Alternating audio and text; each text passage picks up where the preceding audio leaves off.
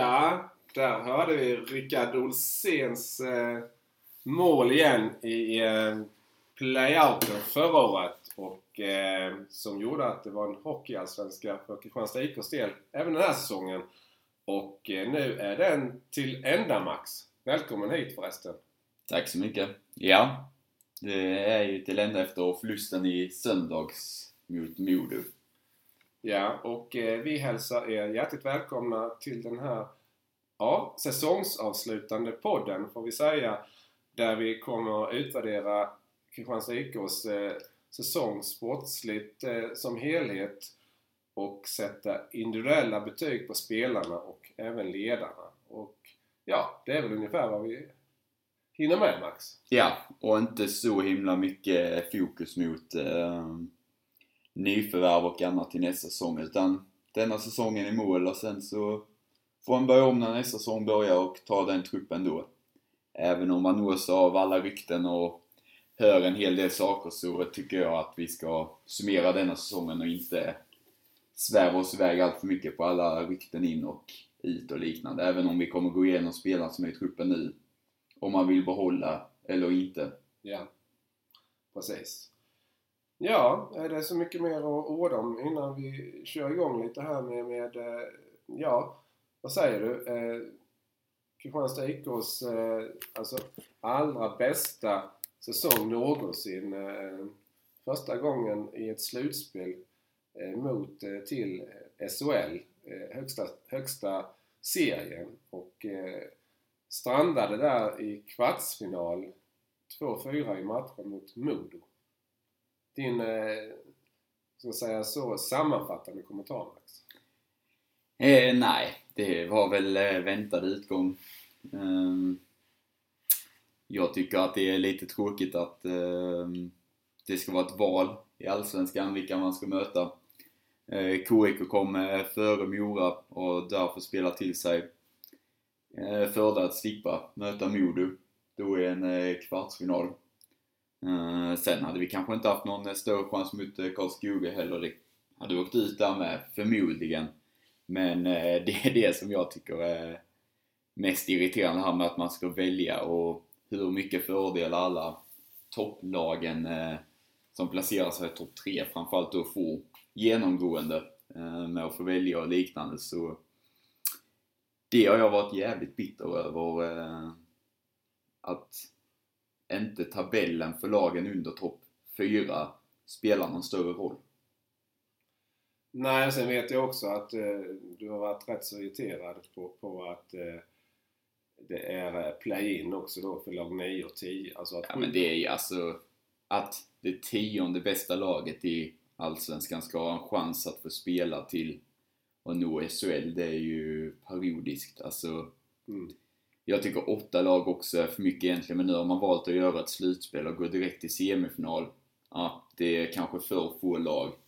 Men även att åtta lag tycker jag är för mycket och tio lag är ju på tok för mycket, framförallt när det bara är 14 lag i serien. Ja, Liksom, vad blir 70% Mm. av seriens lag precis. ska efter grundsäsongen ha chans att fortfarande nå SHL. Det tycker jag är... Nej. Ja, men nu är eh, bestämmelserna är så för närvarande i alla fall och eh, Kristianstad IK kom ju till slut sexa, precis som du hade sagt. Kom, eh, hankade sig precis i den här topp 6-båten i, i sista och omgången. så sa jag att de skulle åka ut med 4-2 i kvartsfinalen. Du hade du rätt där också. Ja. Men jag sa att de skulle möta Mora. För jag tänkte de skulle komma trea. Men Ja. så bra blev ju inte Mora. Nej. Mora kom ju sjua där istället så att var ju ett av de lagen som KIK passerade kan man nästan säga i, i sista grundseriengången där. Mm. Eh, och som sagt, Kristianstad IK blev valda av eh, Modo då. Och eh, ja, du har ju sett alla matcherna på plats, Max. Ja, det är väl... Eh, KIK kommer ut. Två första matcherna är ju väldigt olika mot hur de andra blir där KIK ja, inte spela efter sina egna styrkor på det sättet. Eh, kanske mer eh, anpassa sig till hur man skulle spela mot Modo med två raka bortamatcher borta. Ja, jag kan gilla det. Man står upp bra i båda matcherna, förlorar 1-0 i första. Renema knäcker klubban. jätteläge för 1-1. Match 2 ligger man under 3-2, Skladnichenko öppet mål. Anfallet efter så dömer eh, de väldigt duktiga Österberg och, och eh, Johansson en eh, horribel straff. Som man går ut och säger efteråt att den är feldömd. Det är, ja. Och där avgörs matchen när Oskar Nordin, eh, straffspecialist, gör mål. Så KIK kan vinna en av de två första, sen eh, komma hem och börja spela mer hockey. Och där har jag hört Modefolk säga, ja men där har inte KIK någon chans liksom, när båda lagen spelar hockey. Ja. Men match 3 är det en total överkörning. Eh, i Kristianstads favör. Eh, halva match 6 är det en total överkörning. Så eh, sen har man ett bottennapp och det är match 4 på hemmaplan. Så eh, styrka att KIK kan eh, lägga upp matchplanen så olika som man gör från match 1 till 2 sen när det vänder hem. Men jag hade nästan tyckt man skulle lita mer på sitt egna spel redan från början och inte... Liksom man hade allt att vinna. Inte Ja. anpassa sig så jäkla mycket efter mål. Sen förstår jag att man gör det. Eh, det skilde ändå 20 poäng någonstans i tabellen liksom. Mm.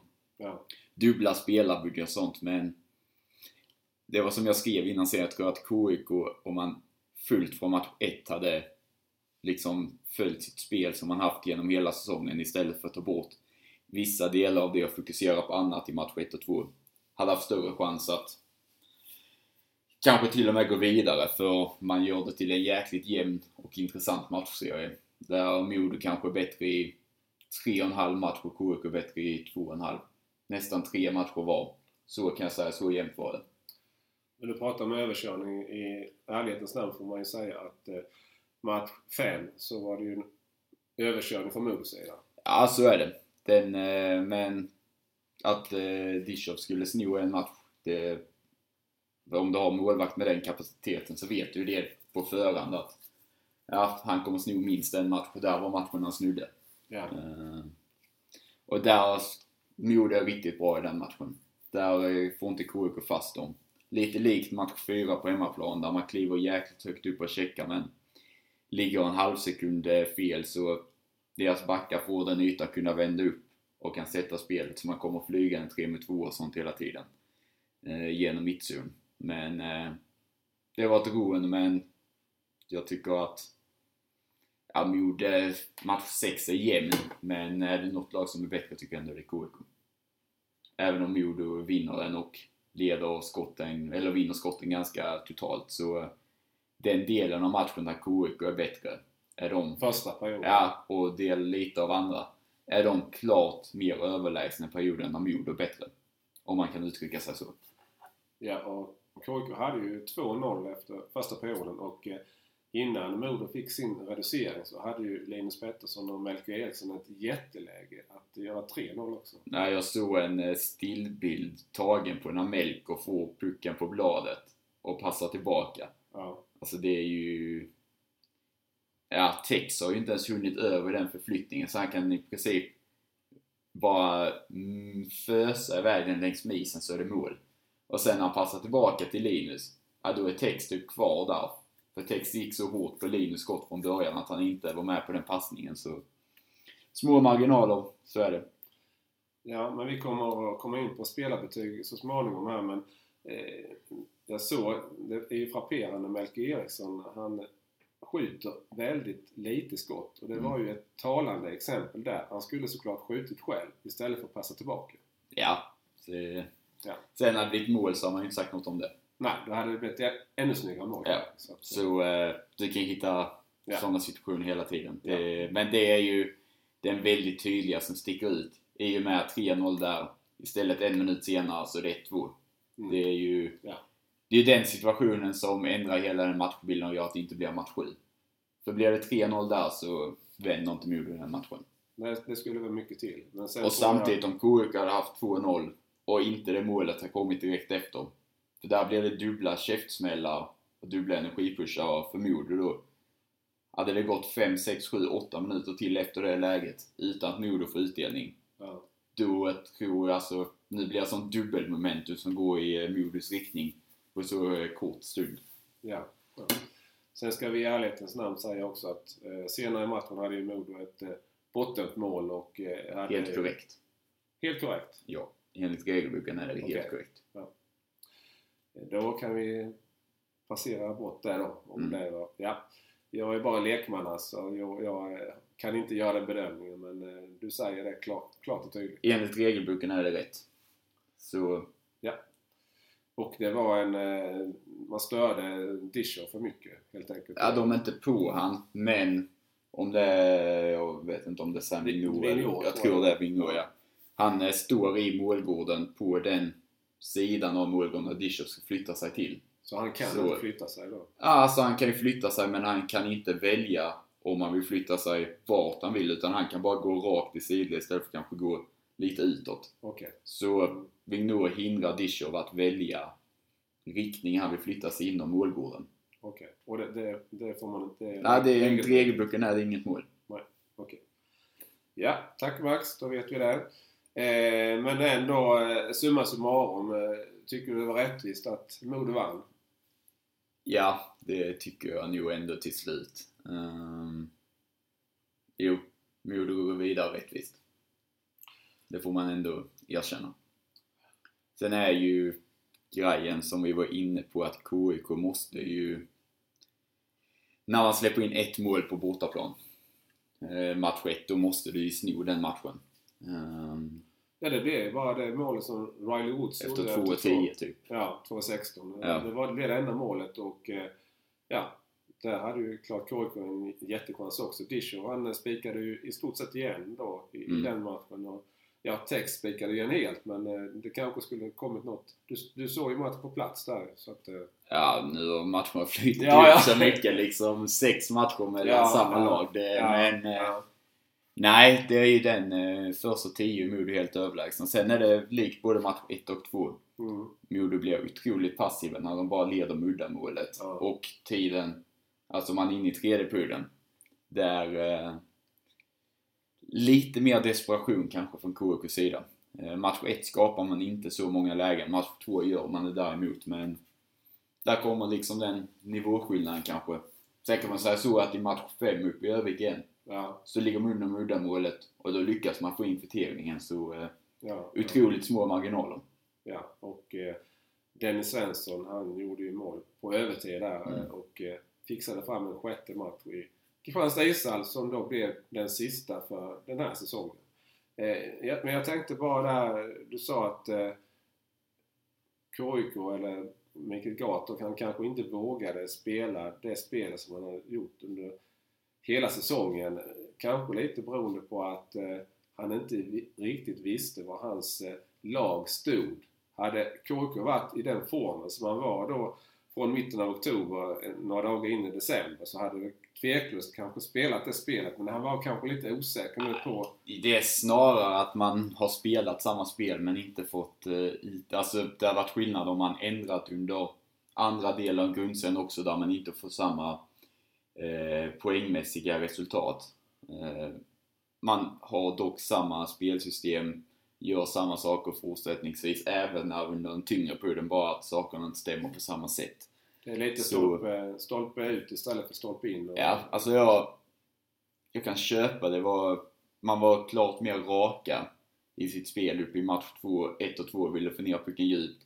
Eh, backarna sökte ett snabbt lag som kunde skarva ner och så gick man med en gubbe istället för att när man varit som bäst haft variationen både mellan det snabba raka spelet och puckinnehavet nerifrån där man nästan som jag jämfört det med eh, bandy eh, spelar alltså du tar våg efter våg där du väntar till du börjar om och så börjar du om igen och så börjar du om igen tills du får rätt läge att liksom gå för det.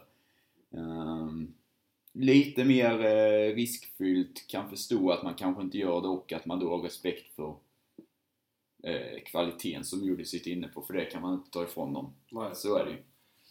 Ja, eh, något mer att säga om kvartsfinalserien eller om säsongen i stort Max? Ehm, nej, det tycker jag inte. Ska vi gå in lite på eh, spelarbetyg då? Mm.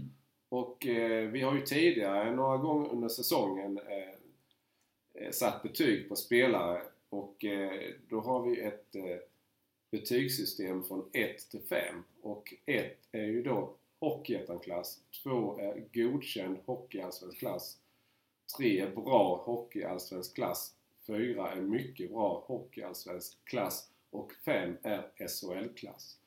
Och sen är jag ju så osäker här i bedömningarna så att jag har ju fjäskat mig till hos Max här och får sätta halvpoäng också. Så att, eh, Vilket egentligen inte är Nej. godkänt. Nej. Det är, men, eh, då kan du gärna köra skala 1 till 10.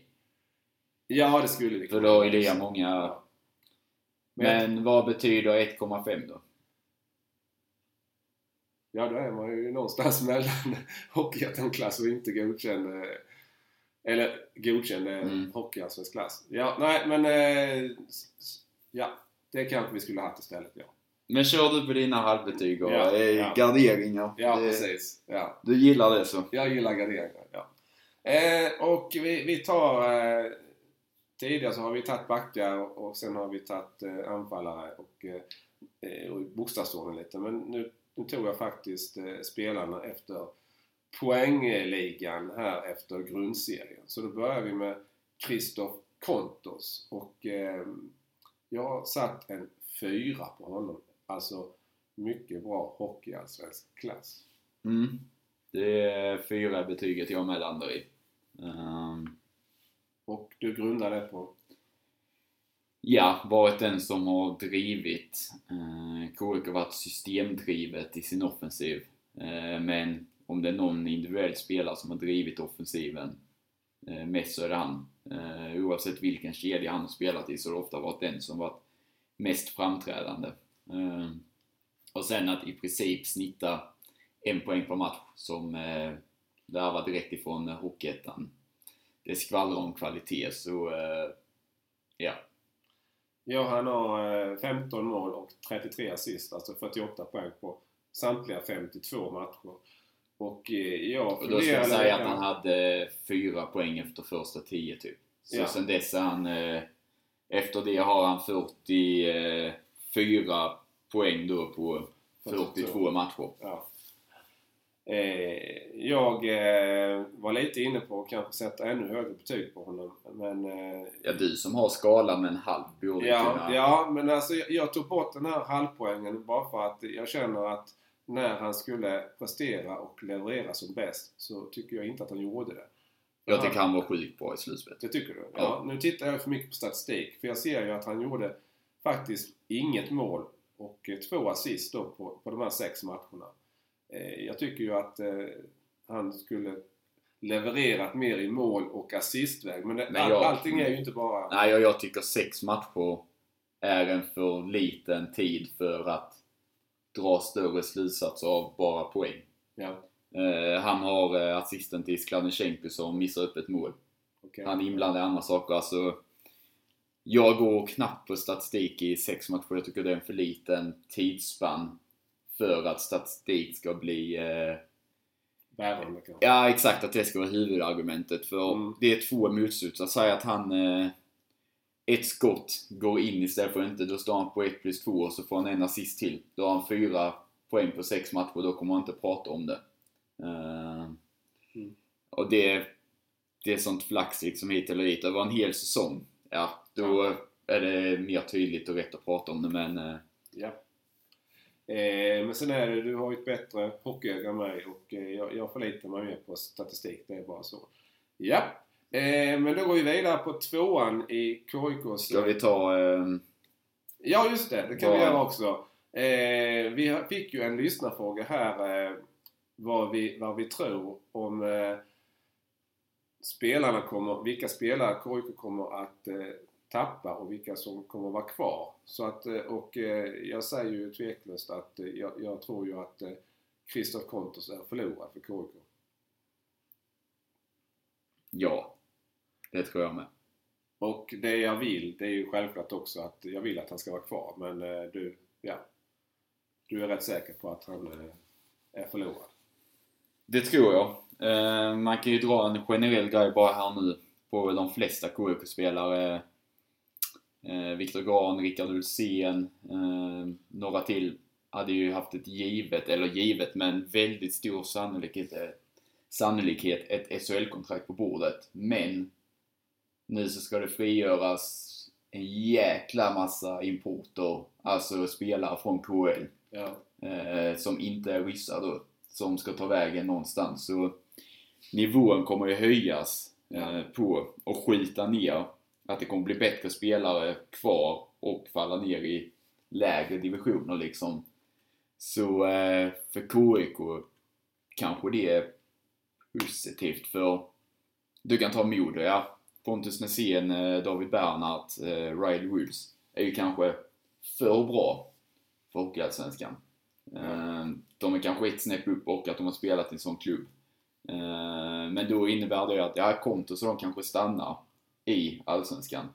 Men då så kommer ju alternativen vara Istället för steget upp en eh, division så går du upp ett snäpp inom samma division. Ja, ungefär som William Peters. Han har gått till Karlskoga och eh, Gick ju, Alex- bra, gick ju bra för Wilman Borvik. Ja, han, han eh, valde att gå till Södertälje och han gjorde i och för sig det avgörande målet i, den- i den sista play-out-matchen som säkrade eh, SSKs fortsatta existens i Hockeyallsvenskan då. Så att eh, han var ju bäst när det gällde där i den matchen. Fast han var, sen var han rätt, i och för sig rätt iskall i rätt många matcher innan dess. Så att, eh, ja. Eh, men eh, var vi färdiga med Kontos? Det tycker jag. Då går vi in på Devin Sidorov. Jag vill bara säga på Kontos att Mm. eh, jag tror att hans poängrekord eh, han satte nu i KIK kommer att stå sig ett ganska så bra tag i Hockeyallsvenskan för Kristianstad IK. Ja, det är ju alltså, vad kommer han totalt i? Sjua. Sex, sjua. Eh, 48 poäng på 52 matcher. Det, är ju som, som du säger nästan... och han nästan- kommer tvåa i hela serien när man pratar om eh, om man tar bort fem, alltså powerplay-poäng. Ja, För ja, hans produktion var aldrig drivande utav att göra det i powerplay. nej, vilket Trevor Sheeks var. ja, I alla fall målproduktion. Men ja. Kontos 55-produktion var alltså näst bäst i hela serien. Mm. Så det är mycket som talar för att Kristoff Kontos lämnar, tyvärr lämnar Kristianstad IK till kommande Hockeyallsvenska säsong. Nu Max så går vi över till Devin Sidorov då och eh, han eh, spelade 48 av de här 52 matcherna och noterade 15 mål och 21 assist. Han var alltså 12 poäng efter Kontos i poängligan där. Med fyra matcher mindre spelade. Eh, jag har satt 3,5 på Devin Sidorov. Mm, nu kommer ju det knepiga för mig som inte jobbar med halvbetyg men ehm, Har du en trea då eller? ja, Det har du ja. det får det bli. Alltså ah, han är i, jag tycker inte han är på samma nivå som Kontos. Och då blir ju problemet att jag måste sätta honom på bara en trea. Eh, men Devin Sidorov, eh, den tillsammans med Skladnysjenko, den eh, kvaliteten att på egen hand kunna bryta mönster och avgöra matcher. Jäkligt viktigt i ett lag som som sagt är systemdrivet att du ändå kan ha den spetsen och individuella spelare som kan bryta mönstret lite och göra det och det är Devin Sidhoff otroligt bra på att göra. Sen så... Eh, det dröjde ju rätt så länge innan han gjorde mål. Eh, till den elfte matchen eh, som han spelade. KIKs tolfte, men hans elfte. När han gjorde det här första målet mot Tingsryd hemma. Eh, sen efter det lossnade ju målskyttet. Och vi hade ju sett under försäsongen att han var... Du var ju imponerad, ruggigt imponerad av honom under försäsongen. Och han visade ju nu också när han fick det här läget när Ingman han eh, drattade på ändan på, på isen. Eh, då överlistade han ju eh, Tex Williamson och, och satte pucken i nät där eh, till, noll- till 2-0 till KIK ju. Så att eh, han har ju den här sniper-känslan. Mm. Men jag tycker att han, har dragit på sig lite onödiga utvisningar och han har varit inne på lite baklängesmål. Sjabblat lite i egen zon. Varit lite nonchalant i vissa lägen i egen zon. Så att det, är därför jag sätter honom på en halv poäng lägre än Sidor. En Kontos. Äh, äh, en kontis, tack. Och du tror att han är förlorad men du vill ha han kvar. Ja, precis. Och jag tror detsamma. Då går vi in på Trevor Sheek och eh, 21 mål klart mest i KIK. Och eh, 14 assist, 35 poäng på 50 matcher. Och jag sätter en fyra på honom. Mm. Jag sätter en trea. Okej? Det blir ju extremt många treor på Ja, mig nu. ja, alltså, ja. eh, Men jag gav dig chansen att sätta halva. Ja, men det, det, det är ju så löjligt. Ja. Det kan man inte jobba med. Nej. Nej, men eh, Trevor Sheek, eh, KIKs MVP i början av säsongen. Ja. Eh, innan övriga växte in i det. Och sen så visste man ju det att när det blir slutspel så kommer han vara otroligt nyttig. För om man ska ta slutspelet så är det en fyra. Eh, men som sagt en så liten del av säsongen så totalt blir det en bra trea. Eh, Varit exakt vad man förväntade sig. Eh, ja, otroligt viktig för KIK. Ja. Jag tittade som sagt mycket på statistik och även på hans spel och så lite grann då. Eller det jag kan bedöma själv. Eh, och eh, 13 powerplaymål sticker ju ut. Tyvärr så gjorde han ju ingenting då på de här sex slutspelsmatcherna mot Modo och det tycker jag då drar ner betyget lite grann där. För jag var ju lite inne på kanske 4,5 då. Men, eh, och sen också ett antal utvisningar. Men det drog han ju på sig rätt mycket i början. Det, det blev ju faktiskt bättre.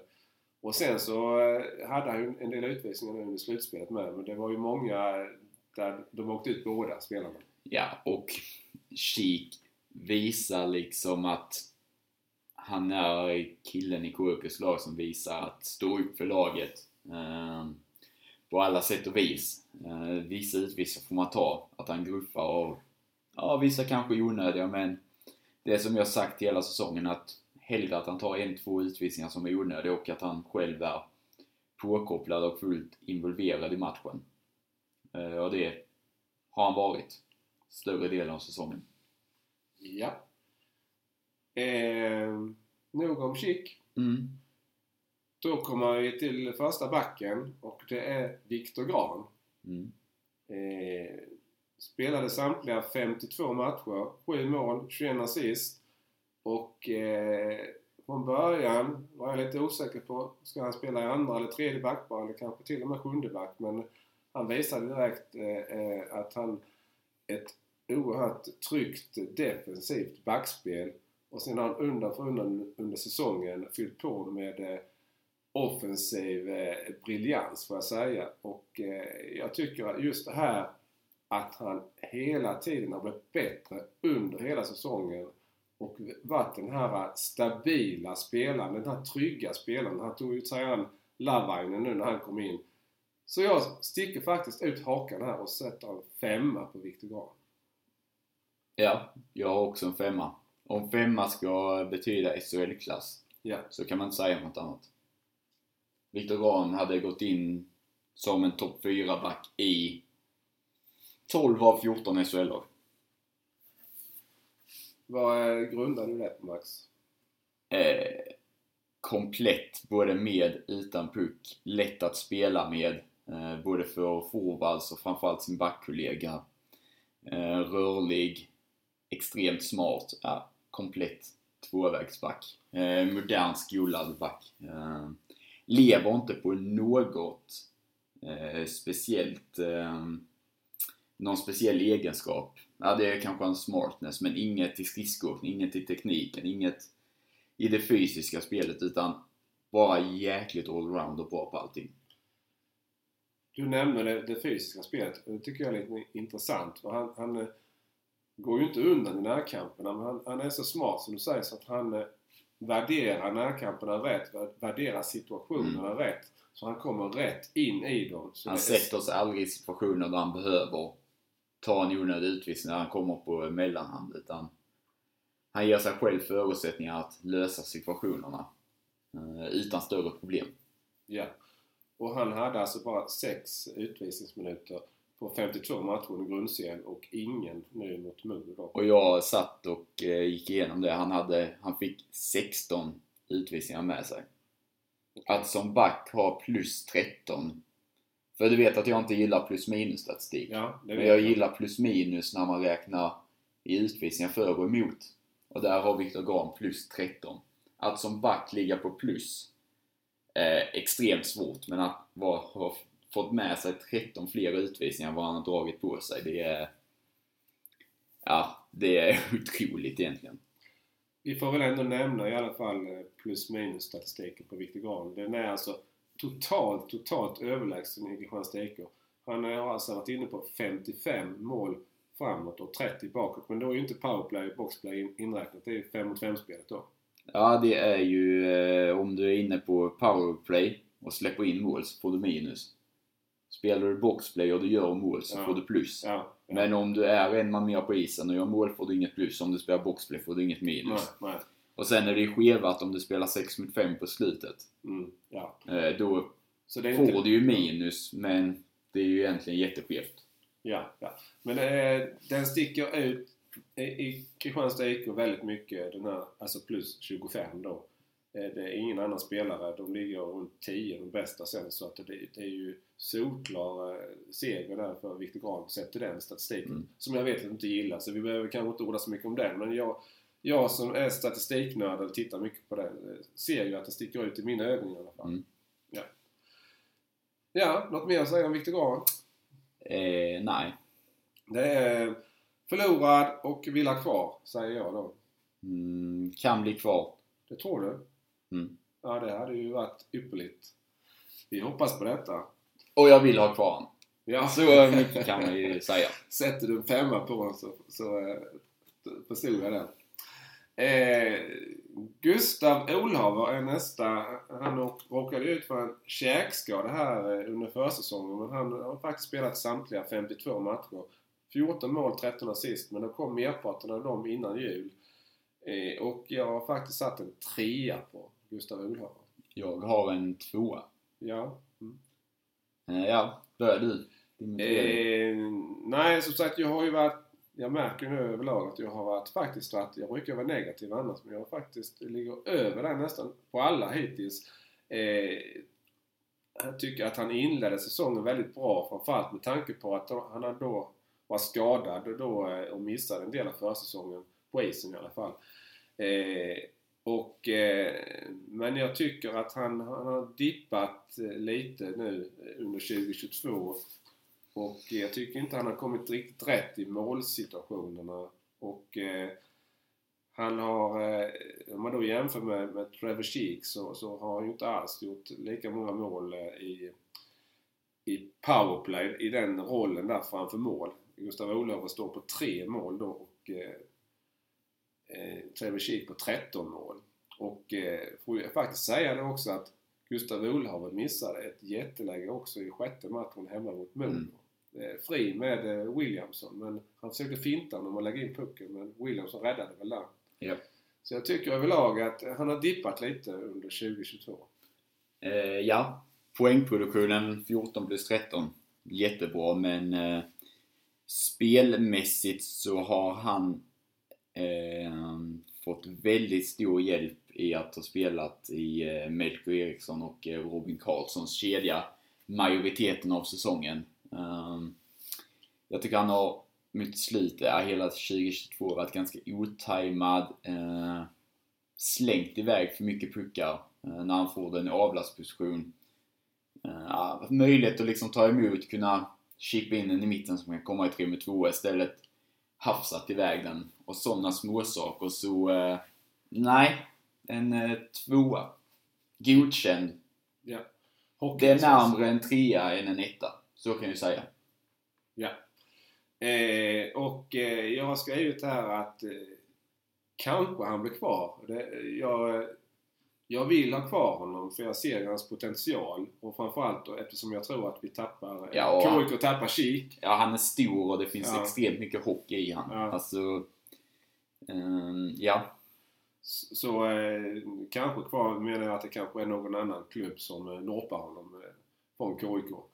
Eh, men som sagt, jag vill ha honom kvar i, i klubben. Ja. Eh, ja, där är vi inte överens. Du tycker han ska söka sig nya ut? Alltså det är väl tufft men... eh, Ja, det har funnits tendenser nu under eh, våren som jag inte har gillat så. Mm, ja. Han har ju spelat i Hockeyallsvenskan i både Modo och i Tingsryd. Och i Modo så floppade han väl rätt så rejält. Men Mm. i Tingsryd så gick det ju bättre. Förra säsongen, båda lagen. Bröt Modo för Tingsryd Ja, under säsong. ja. Han kanske flyttar tillbaka till Modo nu för eh, Fredrik Glader som, eller till Tingsryd för Fredrik Ja. Glader som ska vara tränare där. Gillar ju Olav och var ju han som plockade han till Modo Ja. inför förra säsongen. Så kan det ju bli. Ja. Ja, eh, nästa spelare, han, han eh, lämnade under säsongen. Inte bara som utlånade någon match utan eh, permanent för resten av säsongen. Men utlåningen den löper väl ut här nu i samband med att SM-slutspelet är slut. Eller Kanske redan eh, när ni lyssnar på detta för Växjös del. Ja, vi pratar alltså om Amil Krupic som efter 34 matcher i KIK nappade på Sam Hallams, ska man säga, lockton inom citat. För de var ju backbrist i Växjö Lakers. Så han flyttade dit och på ett säsongslån då, eller resten av säsongen då. Men är KIK spelare nu efter säsongen igen? Eller? Ja, han har ju inget kontrakt. Nej, Så han är ju inte KIK-spelare. inte det heller. Utan, Nej, han har ju inget kontrakt. Nej, nej okej. Han kanske bara så, ett kontrakt för denna säsongen. Ja. Och i och med att han var utlånad resten av säsongen så har han ingen kontrakt längre. Nej. Så blir det ju klart. Ja. ja. Men kanske KIK och Gata första kin där, eller vad tror du? Jag tror inte att Amil Kupic spelar i KIK. Det tror du inte? Nej. Nej. Eh, han, kanske har fått smak på att spela i SHL, eller vad tror du? Ja, alltså, jag har sett eh, Växjö en hel del nu och Kupic har gjort det bra. Ja. Och så ska vi komma ihåg, som vi var inne på, med att det kommer spelare från ehm, KHL tillbaka. Ja. Eh, det är ju spelare som ska ha väldigt, väldigt bra betalt. Så då behöver du ju spelare som eh, kan spela långt ner i ditt lag. Tredje backpar, sjunde back, fjärde kedja, trettonde forward. Som tjänar liksom 35 40 000 där någonstans. Och eh, i en sån roll eh, kan Krupic funka. Och jag tror att eh, mm, han har fått SHL-chansen nu. Han har börjat om väldigt många gånger i KIK. Eh, kommer han tillbaka nu är det fjärde gången som han börjar komma till KIK. Han var i division 1 och sen så gick, kom han tillbaka och så har han varit i eh, AIK och så nu och så kanske nästa då. Mm. Så eh, jag tror inte att Kupic spelar i KIK. Jag tänkte mer där att eh, Krupic och alltså Gat gillar Krupic i den hockeyn han spelade. Det var mer så jag tänkte att han kanske kommer tillbaka. Men, men samtidigt så eh, jag har svårt att tänka mig Amir Krupic som en tredje lineback och kanske en sjunde back som du säger. För att han, han, han är ju nästan som bäst kanske i powerplay och, och när han får spela det. Eller, eller, Ja, men du kan spela skyddade minuter och få spela sån roll. Alltså, ja, eh, som KIK använde Måns Hansson när man spelade i division 1. ja, Han spelar i 5 mot 5 i tredje back på skyddad roll. Men första powerplay.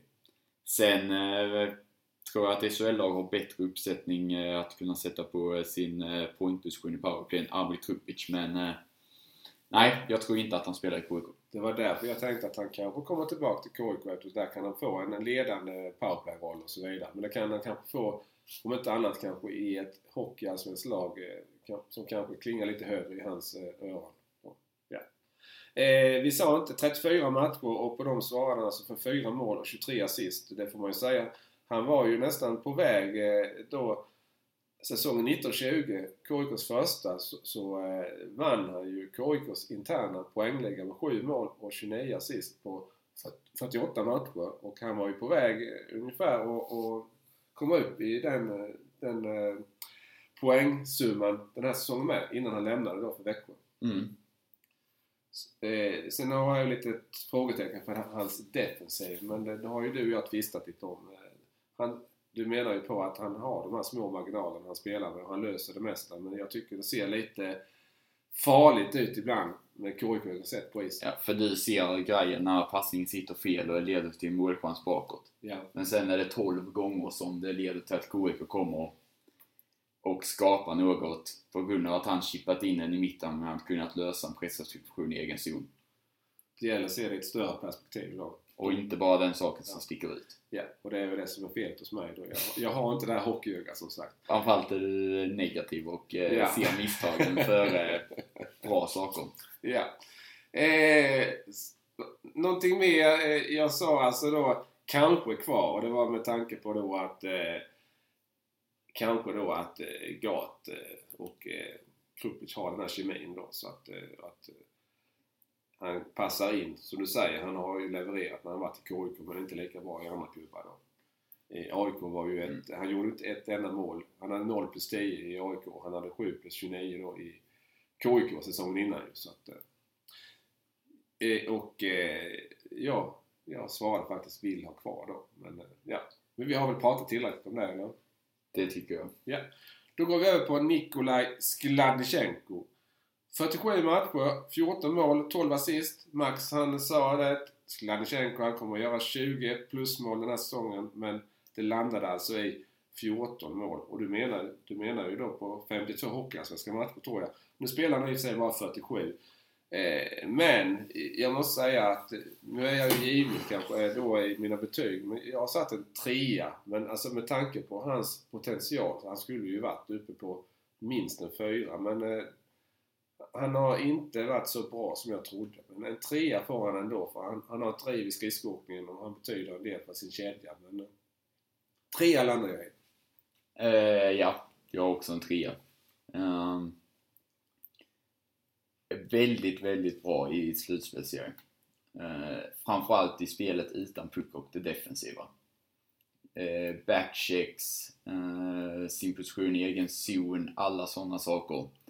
Väldigt bra även som Sidorov som kan göra saker på egen hand och skapa saker. Så eh, Skladnichenko gör en överlag bra säsong, varken mer eller mindre. Finns mer att få ut. Eh, mm, typ så. Men alltså, jag tycker det sticker ut i negativ riktning här då. Ett enda powerplay-mål Max på alltså 53 matcher, tävlingsmatcher med KIK den här säsongen. Vilken match gjorde han det? Ja du, det kan jag inte säga på raken. Var det då när han var inne i... i Det var Troja hemma när Erik Flood gjorde piruett och sen så Mm. passade ut den. Just det. Och När han gjorde hattrick i den matchen. Ja, 30, 30 Mm. december 9-1. just det. Det borde jag kommit ihåg. Mm. Mm. Men eh, som sagt, det är det enda eh, powerplay-målet då från Skladnichenko. Sen är det klart att powerplay, det, det är ju inte en ensam spelare. Det måste ju vara ett bra spel också. Men eh, totalt sett så hade jag ju hoppats mer från Skladnichenkos klubba. Nu börjar rösten eh, vika här alltså. Ja, jag, jag får lämna lite Max och prata lite för jag är lite förkyld. så att Max får prata lite här så, så kommer jag tillbaka. Ja, ehm, pappa tror ju att Skladnichenko är eh, förlorad. Eh, men att han vill ha kvar. Jag tror att eh, Nikolaj Skladnichenko mycket väl kan eh, bli kvar i Kristianstad IK med situationen som är i omvärlden och sådana saker så tror jag att det väger in till fördel för Kristianstad att han kan bli kvar ytterligare en säsong i Skåneklubben. Eh, och jag vill såklart ha kvar Skladnichenko. Eh, att ha en spelare med den uppsidan och som kan göra saker som Skladnichenko kan. För ett lag med budgeten som KIK jobbar med så är det... Har man han och kan behålla, då måste man behålla han. Så är det. Då går vi in på eh, Erik Flod.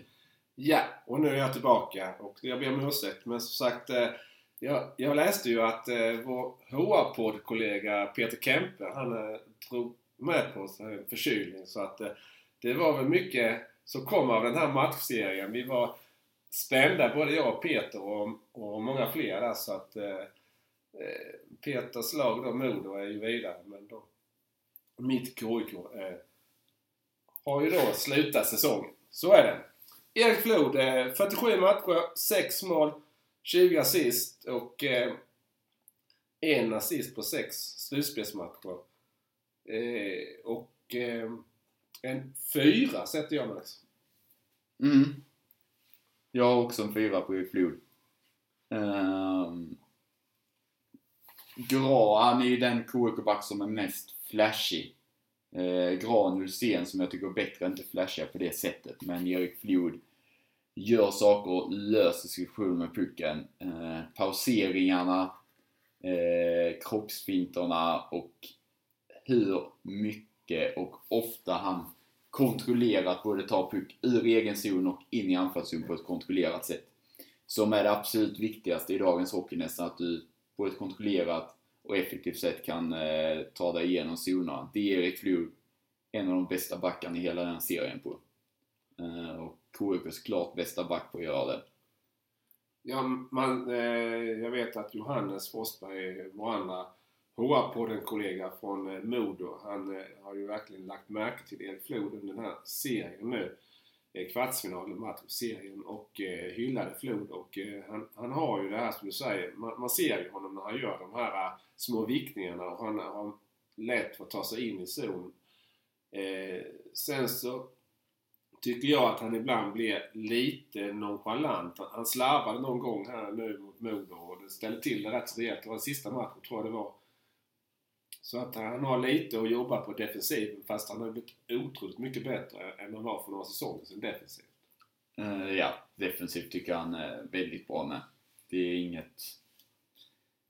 Han är bra i alla zoner men framförallt hans spel med puck som sticker ut. Och han har ju också fått spela lite powerplay nu sen eh, då eh, när Krupis lämnade så fick han ju spela, gå in och spela powerplay. Och eh, ja, även om Lavainen kom som vi kommer till sen så har ju Flod fått fortsätta. Detta blir kämpigt. Ja, det blir kämpigt. Det blir det. Ett 15-tal spelare kvar. Ja, precis. ja, men um, då kanske jag från och med nu ska dra nästa spelare lite stansen som du har gjort. Så det, låter, det låter bra. kan spara rösten lite. Ja, Eh, eh, Jag tror ju att eh, Flug kommer att vara kvar i Kristianstad. Och det ja, hoppas jag med. Jag tror att eh, han är förlorad, men kanske kvar eftersom Gards hockey passar honom, har jag skrivit som en liten kommentar här. Och självklart vill jag ha kvar honom. Mm. Ja. Då går vi in på eh, hans eh, ganska så ofta backpartner under säsongen. Eh, nyförvärvet ifrån Väsby, Gustav Buraman, som eh, gjorde 2 plus 24 på 50 grundseriematcher och 0 plus 2 på 6 slutspelsmatcher. Eh, du har satt betyg 3,5. Ja, du ser att jag har satt 3 eller 3,5 men eh, du ser det kanske nu. Så det, jag, eh, jag var lite tveksam där faktiskt. Ska jag ge någonting? Ja, här på Linus har satt 1 till 5. Nej, ja, det som är mellan där eh, Nej, men jag var lite osäker och det har jag inte ringat in där. Ska jag ge honom... Jag ville värdera lite när jag kom till de andra spelarna med. Men eh, ja, 3,5 får jag sätta på Buraman. Han, han har... eh, Med puck är han otroligt bra. Passningssäker. Eh, Och jag tycker det är intressant. Eh, man ska ju inte titta så mycket på eh, plus minus säger det, Max, men, men eh, tittar man då här på under den här matchserien mot Modo på sex matcher så var, om man nu bara tittar på det som räknas in i plus minus som vi tog innan så har alltså Buraman 3-1. Han har alltså bara varit inne på ett enda mål bakåt. Samtidigt som jag ändå tycker att ibland ser det lite farligt ut när han är inne i, i, i egen zon. Men eh, de här siffrorna säger ju någonting annat. Ja, men då så ska tilläggas att som vi var inne på med Gart så eh, matchar man eh, väldigt frekvent, eller väldigt frekvent, men man matchade klart mer Buraman, Flod, Lavainen startade i väldigt hög utsträckning eh, offensiva zonstarter medans eh, Renemark, Nordlund han spelade. Ulsén och Gran väldigt mycket ofta startade i defensiva zonstarter. Ja. Ehm, och sen, vad släppte vi in? Sex eller sju mål i boxplay. Och då får du inte minus. Så eh, många mål var ju också i boxplay och Buraman inne på tre av de målen. Ja. Så då är han inne på fyra mål bakåt Ja, men ja. som inte räknas med. Men eh, Buramans säsong, det har varit vad jag förväntade mig. Varken mer eller mindre. Bra med pucken, bra i första powerplay. Eh, godkänd i egen zon, inte mer. Eh, betyg 3. Ja, och jag, som sagt, jag var delade lite men jag satt ju 3,5 då. Jag ligger ju lite hög, högre än dig generellt då. Så, Sen har jag skrivit här, svårt att veta eh, lite hur hans tankar går såklart och Gats också men kanske kvar har jag satt och, och att jag vill ha kvar honom. Eh, jag tror att han blir kvar. Jag tycker han passar. Gat vill ju den hockeyn som Gat vill spela. Måste han väl. Om man då får spela med någon som är bra defensivt. Gat vill ha spelare som är bra. Med och, puck. och, exakt, backar som är bra med puck och det är Gustav Broman. Ja. Nästa spelare, Linus Pettersson. 51 matcher. 9 plus 12. Eh, 1 plus 1 i slutspelet. Du har betyg 3. Ja. Och jag har en eh, 3 också. Eh, närmare en tvåa än en fyra. Eh, vuxit in i seniorkostymen i år. Eh, tar för sig mer, klarar av det fysiska spelet på ett bättre sätt. Eh, ju längre säsongen led också mer konkret i sitt spel. Mer att eh, alla trollerikonster han kan göra med pucken ledde till något konkret. Inte bara göra det för att, utan när han gjorde något så var det för att ta sig in på insidan för att det skulle bli något av det. Eh, Den utvecklingen gillar jag att se i Linus spel. Att eh, saker blev effektiva och inte bara underhållande om man kan säga så. Och det tycker jag växte framförallt under andra delen av säsongen. När vi var inne i vår svacka så tycker jag Linus är en av våra mer ledande forwards faktiskt. Ja, han är irrationell. Han kan ju göra det här oväntade. Han gjorde ju det här Zorro-målet också som blev prisad i samband med en av matcherna mot Modo nu som årets mål i Hockeyallsvenskan. Vilket är Det- totalt haveri. Du hade velat ha Ja, ett annat mål. alla spelare kan göra så på denna nivån. Ja, men det var, bara, det var nästan bara Linus Pettersson som gjorde. Sen gjorde väl han eh, Tingsryd-spelaren, Lindelöf. backen. Lindelöf gjorde också där i en slut- slutspelsmatch. Och den är nästan snygga fan. Alltså tar den i fart och vinklar upp bladet så pucken glider upp Linus, får den på högkant och sprätter runt. Men han drar den i fart och gör det. Men... Eh, nej, det har nu gjorts 10-15 snyggare mål i denna säsongen än Linus. Eh, inget emot Linus mål, det är skitsnyggt så. Men eh, Zorro-mål har gått inflation i och... Nej, det är inte så snyggt. Men det är ju, eh, det kanske säger mer om att han har den tekniken, att han kan göra det. Och han har den kvicktänktheten också, att han kommer på, ser, ser läget, ser situationen. Vad kan jag göra här? Jo, jag kan göra en, en Zorro. Och det gjorde han då mot Almtuna borta den 1 december. Och det var ju, jag tror, KK vann bara med uddamålet i den matchen tror jag. Så att, eh, avgjord i förlängning efter att eh, Herman fått en tackling i ryggen utav Emil Berglund och Trevor Sheek styrde in ett skott ifrån Kristoff Kontos. Ja, precis. Så var det. Tack. Eh, så att, eh, men Linus Pettersson, eh, för övrigt så har ju spelat i Modo under eh, juniortiden från U16 nu på tror jag. Och eh, har, kom ju till KIK utlånad i två matcher eh, under första hockeyallsvenska säsongen och har spelat i, var han i Karlskrona också? Ja. Karlskrona förort. Ja, och eh, gillar ju den spelartypen. Det är roligt att se honom på isen. Han, han hittar på saker.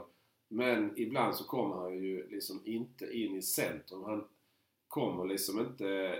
Han är ute vid sargerna bara. Och det var ju det jag skrev i någon av mina inlägg här på Svenska fans. Just att jag ville se honom mer komma in i slottet, in närmare mål. Och utmana. För han har ett bra skott också. Mm. Ja. Yes, och eh, du vill eh, ha kvar Kanske kvar. Det är lite dels vad Linus Pettersson själv känner och dels också hur Mikael Gart känner. Men jag tror nog att Gart vill ha kvar. Så, så kanske kvar om det inte är någon annan klubb som är intresserad. Så det känns lite osäkert där. Eh, men jag vill ha kvar honom, absolut. Dels för hans potential och dels alltså då för att han har så mycket hockey sig. Det är så roligt att se honom på isen. Yes. Eh, Malte Sjögren.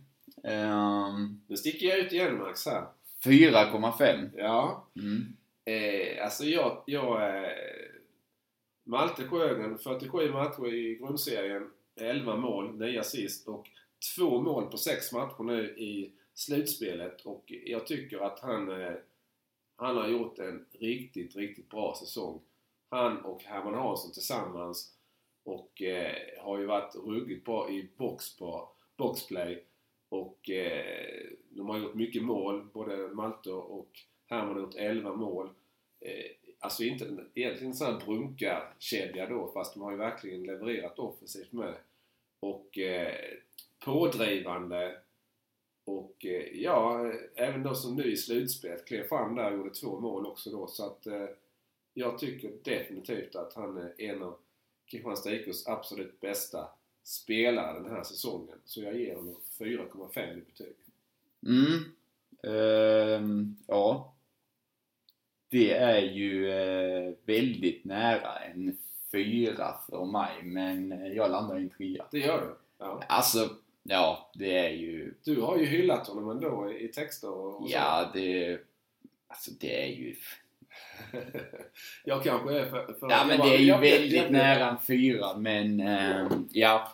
Alltså, jag hade Kristoff Kontus på en fyra. Ja. Så du har alltså Malte på ett högre betyg än vad du har Kontus på? Ja, jag eh, väger in alltså den rollen som Malte Sjögren har också i det här. Ska jag kanske förtydliga. Ja, Och och det, det, det kan- köper jag för Malte Herman köper sin roll och gör den rollen till 100%. Uh, Malte har utvecklats, tar steg hela tiden och därav så finns det SHL-intresse eh, för Malte till nästa säsong. Um, framförallt blivit mer hockeysmart, uh, kör fortfarande 100% men värderar situationer och gör dem lite smartare och därför lite effektivare i många situationer än kanske tidigare. Och eh, ja, du nämner SHL-intresse här. Jag är inte förvånad av det. Eh, och eh, jag har skrivit här förlorad men kanske, kanske kvar eh, att eh, han kan bli Du kvar. garderar dig på alla. Du ja, säger kanske, ja, kanske. Ja, Det får ju Eh, vara antingen ja eller nej. ja, ja, ja. Du har garderat dig med betygen Ja, och sen ja. kanske och... Ja. Du är mer rakt på sak Max. Jag, jag, jag är mer velig. Jag vet det. Eh, men jag är i alla fall klar över att jag vill ha honom kvar. Eh, ja, jag vill ha Malte kvar men jag tror inte han blir kvar. Eh, ja, vi får se. Eh, silly, silly season för Kristianstad IK har precis börjat så att eh, vi får se. Eller inte. Nej. Den har pågått ganska länge. Ja, jo det är klart att det, det, det sa ju Mikael Gart när vi pratade med honom inför eh, Modomatch-serien att eh, som sportchef hade han kommit rätt så långt med sitt lagbygge redan då. Så Mm. att, eh, ja. eh, nästa spelare, Melker Eriksson. Pratade du då så sparar vi min röst lite. Ja, eh, 5 plus 15. Det var mer än jag trodde. På 45 matcher i grundserien, 1 plus 0 på 6 matcher i slutspelet. Tycker Melker Eriksson eh, tagit väldigt stora steg i år. Eh, att driva puck genom zoner, eh, smarthet, eh, lätt att spela med och eh, likt eh, Malte Herman så han och Robin Karlsson bildat en kedja som är likadan på att eh, skickliga på att flytta ner pucken djupt och eh, göra bra saker av det. Så eh, Melker Eriksson är en eh, fyra för mig. Ja, och jag, jag delar mycket det du säger men eh, jag... Ja, jag, jag funderar lite vad ska jag sätta. Eh, jag grundar lite på att... Eh, ja, han har bara skjutit 30 skott och det är under eh, grundserien och under de här sex matcherna med Modo fyra skott bara och varav ett mål då. Och eh, tycker att han eh, skulle skjuta mer. Skjuter man inte så kan det inte bli mål. Och eh, exempelvis det här lä- läget som vi sa innan då när han passade pucken tillbaka Mm. till Linus. Eh, men jag håller med dig om drivet eh, i hans skridskoåkning och, och så. Eh, men eh, ja, 3,5 eh, har jag satt.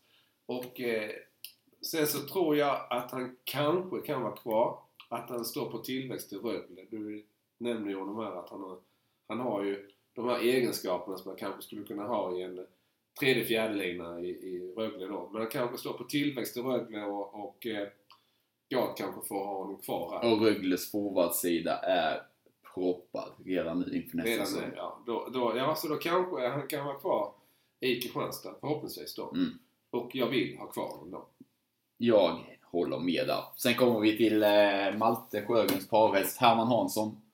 Eh, avstängd eh, två sista matcherna i, som vi spelade i kvartsfinalspelet mot Modo. Eh, Han gjorde 11 plus 8, 19 poäng på 51 grundseriematcher, 0 plus 1 på 4 matcher i slutspelet. Eh, jag har en 4 på Herman Hansson. Jag tycker han eh, har tagit otroliga steg. Eh, framförallt eh, likt eh, Malte utvecklat sitt hockeysens. Eh, tar nästan alltid rätt eh, beslut på isen.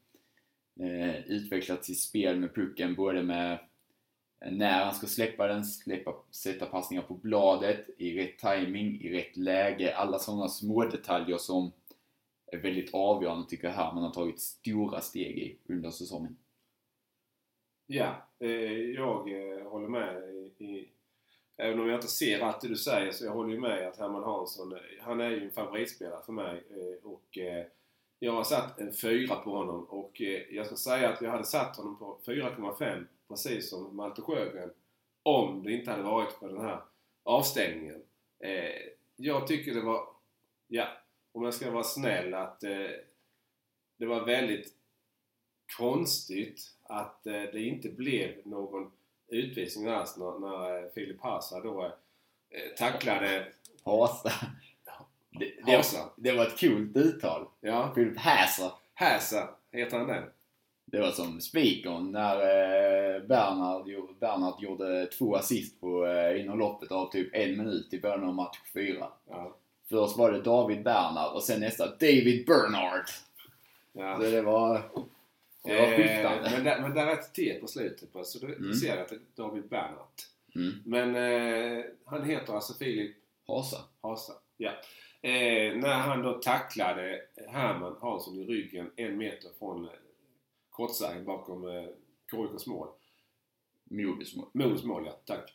Eh, och eh, där då Herman åker med huvudet före och slår i hakan och så vidare. Och eh, tycker det är en farlig tackling. Men det blir ingen... Eh, inget överhuvudtaget då eh, från domarna utan man låter fort, spelet fortgå. Och det blir ju då eh, rallarslagsmål där mellan Matte Sjögren och eh, Filip Hasa. Och framförallt, Kan du säga fel igen?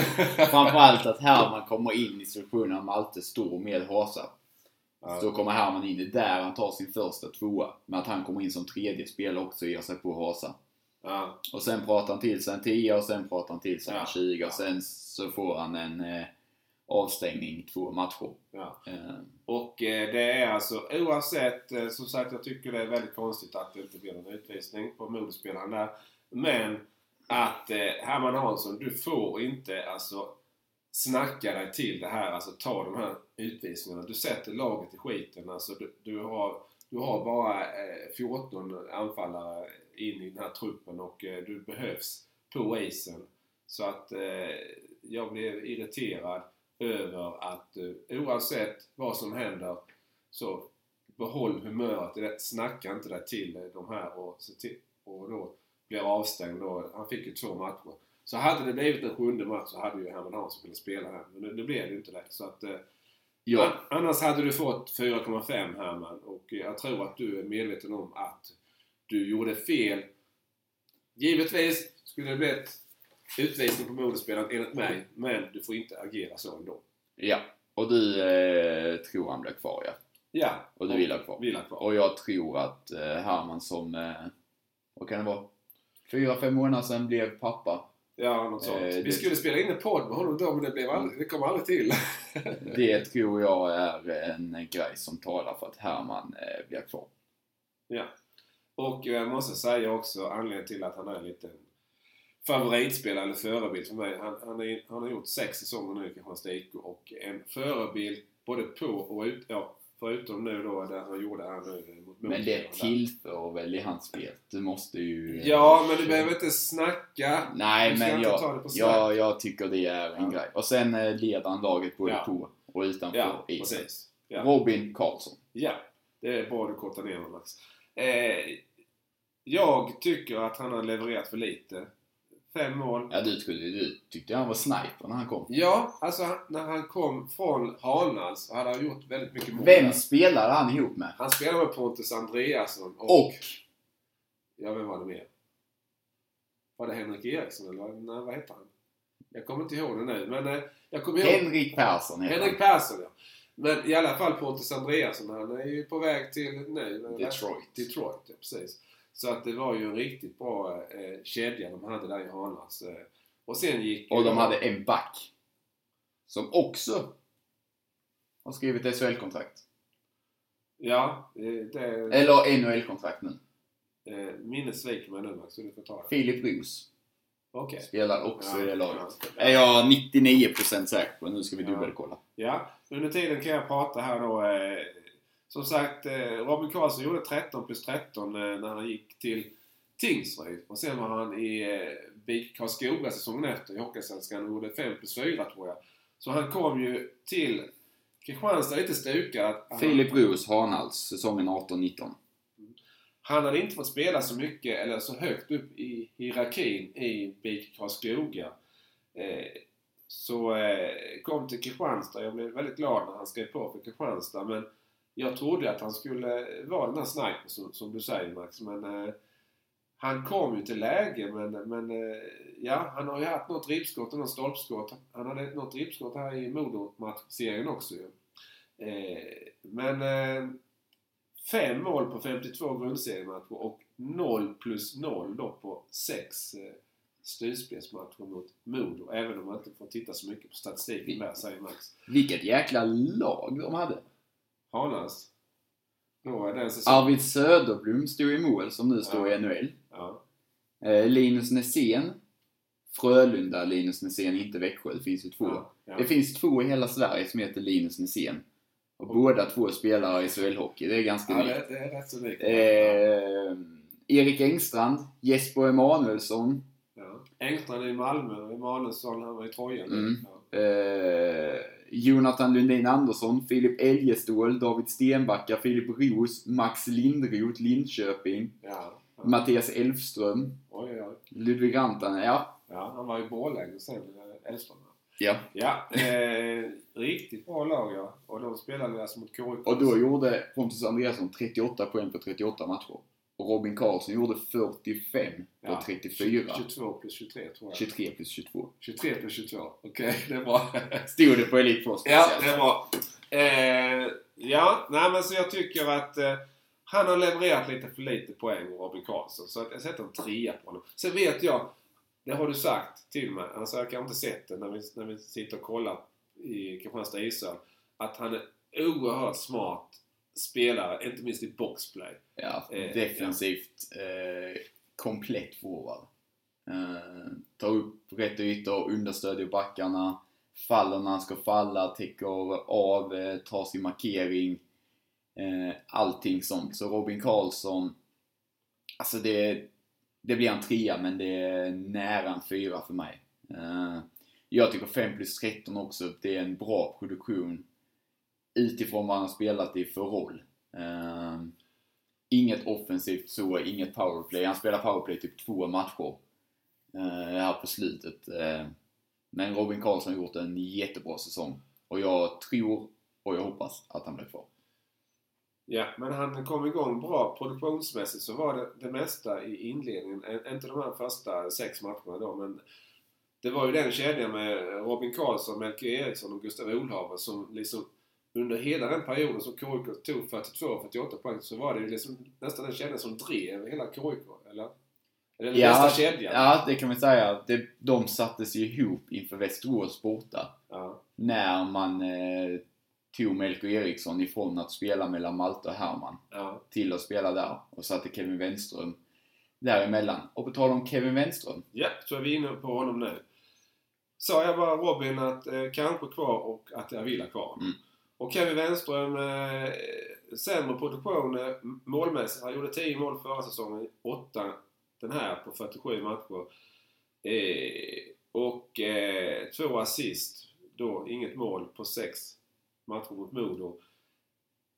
Jag velade lite mellan 2,5 och 3 men eftersom jag är övervägande positiv så, så landar jag i en trea då. Jag har ringat in trean där.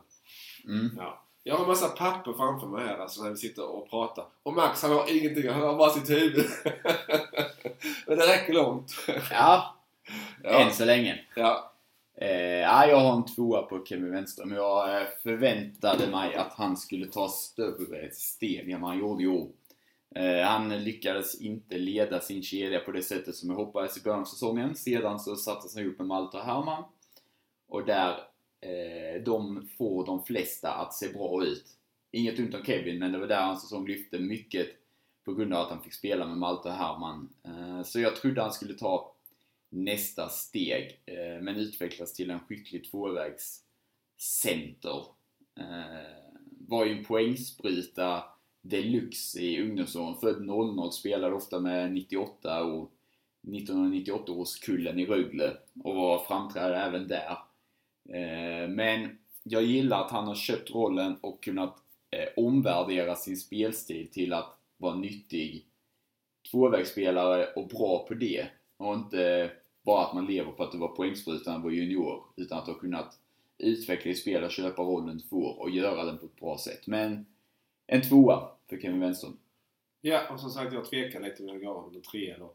Och jag hade ju honom som en av de här utropstecknen inför den här, inför den här säsongen. Jag håller med dig Max att jag, han kom ju inte riktigt upp i den nivån som, som jag hoppades och, och trodde. Eh, och eh, jag har skrivit här Kanske han blir kvar. Och efter lite funderande så vill jag ha kvar honom. Och jag tror också att han är en Mikael Gart-favorit. Eh, han har ju varit eh, nu ett par säsonger eh, eh, nu permanent också då i, eh, kommer då från Rögle och var på lite lån och så men nu har ju spelat ett par säsonger som, på permanent basis och eh, det känns ju som att Mikael Gart ger honom mycket förtroende och så så att eh, jag tror ju nog att Mikael Garts att eh, Wenström ingår i hans framtidsplaner för kommande säsong. Det tror jag med. Det tror jag med. Yes, ska vi gå vidare till Dennis Svensson, kaptenen. Ja. Produktionsmässigt 7 plus 7 på 50 matcher och på 6 matcher max mot Modo 2 plus 0. Alltså när gjorde han sitt mål utöver målet i förlängningen? Han gjorde hemma ett av de målen förlorade 2-7. Och då tänkte jag det, det målet, det står på en lapp här Max. Det målet var Ja, ju det är ju helt oläsbart. Ja, ja precis. Men det målet var ju egentligen inte viktigt. För KK hade redan förlorat den matchen. Men det kanske gav honom lite... Han har ju inte lyckats riktigt i de här offensiva Vi ska lägena. säga att Dennis Svensson hade 3 plus 4 efter de 13 första matcherna. Så efter det hade han 4 plus 3 på 34 matcher Ja, i grundserien. ja. Så, så att eh, han, han startade rätt så bra då. Mm. Och sen eh, har vi ju dividerat fram och tillbaka. Jag har ju inte tyckt att han ska spela med Kik och Sidorov som han gjort stora delar av säsongen. Nej. Jag vill ha kvar Dennis. Han har ju kontrakt så han kommer att spela nästa år. Eh, jag tycker det är dags att, eh, om nu Malte och Herman blir kvar, att Dennis spelar mellan de två. Ha en riktig KIK-hjärta-kedja så, eh, som alla är bra på just det spelet. Att förflytta pucken neråt, vara jobbiga att möta, smarta och ettriga. Eh, för att han ska spela i en eh, kedja som ska producera. Ja, sen bygger ju KIK sin, sitt lag på att man vill ha fyra jämna kedjor. Där man ska mala kedja efter kedja, alla ska kunna producera. Men har man spelare som eh, Kik och Silverhoff så tycker jag att en tredje länk eh, borde vara någon annan och kanske med lite mer offensiv spjutspets än vad Dennis är. De skapar mycket lägen och Dennis har inte riktigt den. Han har ju en gång i tiden eh, sprutat i mål men det var ju för 5-6 år sedan. Ja, det var ju... I Eh, kvalserien där. nej, nej, nej, nej. Playoffen. Playoffen var det, förlåt. Ja. Han gjorde, han, vi mötte ju, var det Halmstad bort? Nej, nej, Södertälje... Nej, han gjorde hattrick i Huddinge borta. Ja, I match 3. Ja, när vi vinner ja. 3-2 gör han hattrick. Precis. Eh, Han hade sju mål på sex matcher, eller typ åtta mål på sex matcher i den playoff-runnen som slutade mot Södertälje. Ja. Och sen gick han till Panton i precis. eh, Allsvenskan, sen Djurgården och Karlskrona och sen vände han hem igen. ja, han var ju utlånad. Han spelade SM-final med Djurgården 2019 Precis, med Frölunda. Spelade alltså samtliga 30, 30 matcher på raken där eh, efter, från eh, när han gick till under våren då till Djurgården. Och eh, defensiv center där ju. Mm. Och eh, det är väl i den rollen lite som du säger då kanske då mellan Malte och Herman. Sen får jag ändå säga att Malte och Herman alltså har gjort 11 mål båda två de skapar, de lyfter ofta ner Mm. spelet i offensiv zon. Så då kommer det, och, och de skapar mycket chanser med Malte och Herman. Så att absolut att jag kan se Dennis Svensson i sån roll. sen eh, antar ju inte jag i denna analysen med mig de mjuka värdena som man pratar om. Hur han är som kapten, alla de sakerna. Eh, viss insyn har man i det, men jag tycker att det är svårt att uttala sig om det när man inte är, har full koll på det liksom. Men eh, han har fått väldigt mycket beröm för sitt kaptenskap och han har ersatt Fredrik Hansen i rollen och allting. Så eh, hatten av för det. Och Dennis Svensson var kapten säsongen när vi gör vår bästa säsong någonsin. Ja, ja. Oavsett om hans säsong kanske inte var vad man förväntade sig så kan man inte säga något annat än att han faktiskt är kaptenen säsongen när KIK gör sin bästa någonsin. Och då eh, vill jag lyfta då att han gjorde faktiskt de här två målen eh, på, i den här matchserien. Han gav Modo och eh, gav KIK chansen att spela den här sjätte matchen. Gav KIK en, en, två miljoner extra i eh, kassa. Kul. Ja, det, Som är vad man drar in på en extra hemmamatch ungefär. ja, så det Och det var han som sköt fram. Så han eh, bäddade för en eh, rekrytering av en väldigt duktig spelare till nästa säsong kanske. Ja. Det. Det, det låter ju bra. Det var, men det var inte mycket marginal när han fick in pucken där. eh, Han missade, han missade ju och så gick han ner bakom och vallade den på Tex. Tex skridsko och in. Ja. Eh, Och det var ju inte välförtjänt. Men som sagt, det blev en sjätte match och eh, ja, två miljoner sa du. Ja, en, en till två jag har ingen aning hur mycket Nej. det drar in men... eh, Modo var ju inte glada i alla fall. De åka ner till Skåne igen. Så mycket kan man ju säga. De flög, de flög till och med ner. Ja. De ändrade väl. De skulle egentligen åkt buss. ja, Hinken hade gått ner efter matchen och sagt... Ja. Saker som inte ska sägas här kanske, men eh, så de satsade på flyget från Umeå morgonen efter. De Ja. satsade på flyget ungefär när KIKs buss rullade in i Kristianstad igen. Så är det. Nyförvärvet under säsong, Theodor Pisek, den Ja. första som kom in. Ja, och eh, jag är lite kluven där alltså. Jag tycker att han, att han är också, jag har ju pratat, benämnt eh, då eh, som sniper här då. eh, Kan ju vara- Robin Karlsson en gång i tiden. Men, Kan ja, ju bara börja med att här står det 6 plus 5 på 42 matcher. Ja, ja.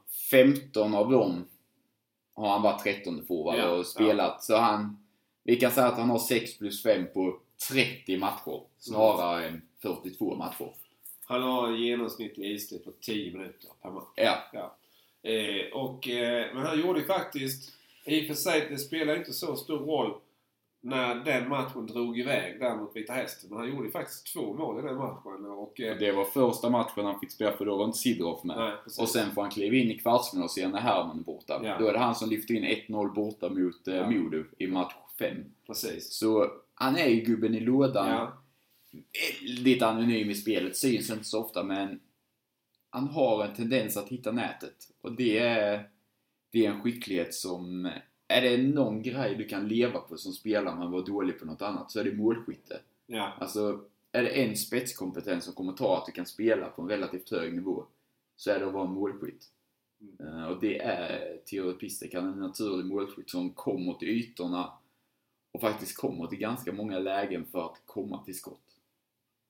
Ja, precis. Och eh, jag eh, var lite tveksam här om jag skulle sätta 2,5 eftersom jag nu har mina halvor eller, eller 3. Eh, och ja, jag, jag sätter 2,5 då. För att spelmässigt, som Max säger, så bidrog jag inte så mycket. Men det är inte lätt heller att vara 13 man och, och få komma in när andra spelare är indisponibla då. Så att eh, jag tyckte han, han skötte den här rollen som 13 spelare bra. Eh, Men eh, ja, jag hade velat se lite mer av honom. Och han hade lite lägen faktiskt som han brände också så att eh, och han är ju ung så kanske han kan vara kvar och jag vill ha kvar honom. Ja, jag, jag kollade här nu. eh, Ja, du tittar på statistiken? Nej, jag kollar på din eh, lista här. Ja. Man märker ju att du inte gillar övergångar för än så länge har du inte en enda spelare som inte vill ha kvar. Nej men jag vet ju att det är ett antal spelare som, som försvinner. Ja, men jag Ja. menar, ja, men jag menar det... Man märker att du inte gillar övergångar nej, liksom. nej. Eh, Jag gillar Egentligen om du, om säsongen eh, 33-34 skulle börja nästa år. Då skulle KIK ställa upp med exakt detta laget enligt dig liksom. Dennis Svensson, kapten, 42 år gammal liksom. Det, det är din dröm att detta är KIKs lag om 12 år också. Ja. Inte en enda jävla spelare ut eller in.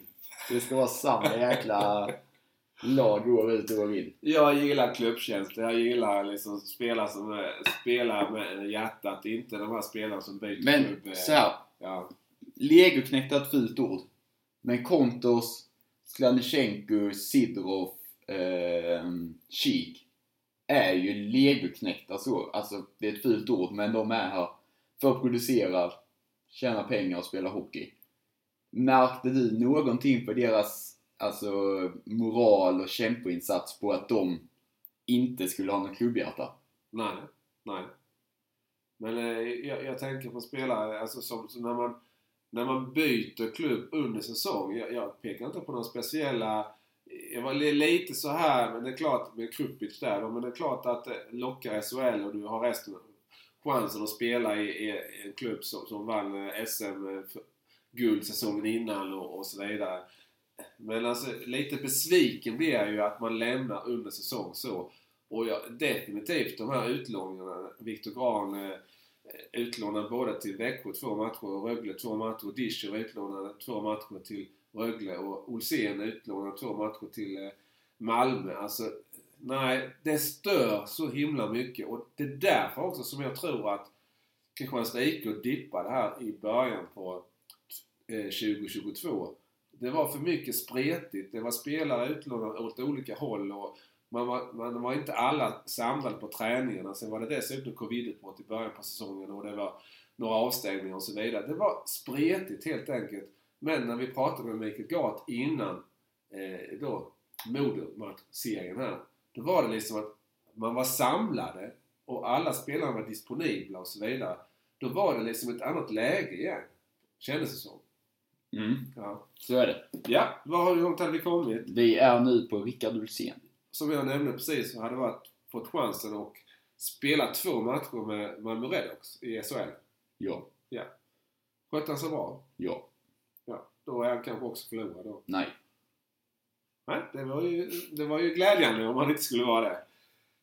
Eh, för jag tror, jag har skrivit så här. Förlorad, men kanske, kanske kvar. Jag graderar mig som sagt. men jag vill givetvis ha kvar honom. Det är lite såhär, vad tippar du KIK nästa säsong? Ja, jag tror ju inte topp 4, men kanske, kanske att de kommer eh, mellan plats 5 och 14. Ja, jag får sluta vara så velig. Jag får försöka vara mer bestämd. och säga Men vad. Rickard Ulséns säsong Ja. har vi diskuterat utan och innan. Det behövs väl inte så mycket mer ord om det. Toppback, jag har ett betyg 5, framförallt det defensiva spelet och hans noggrannhet med puck.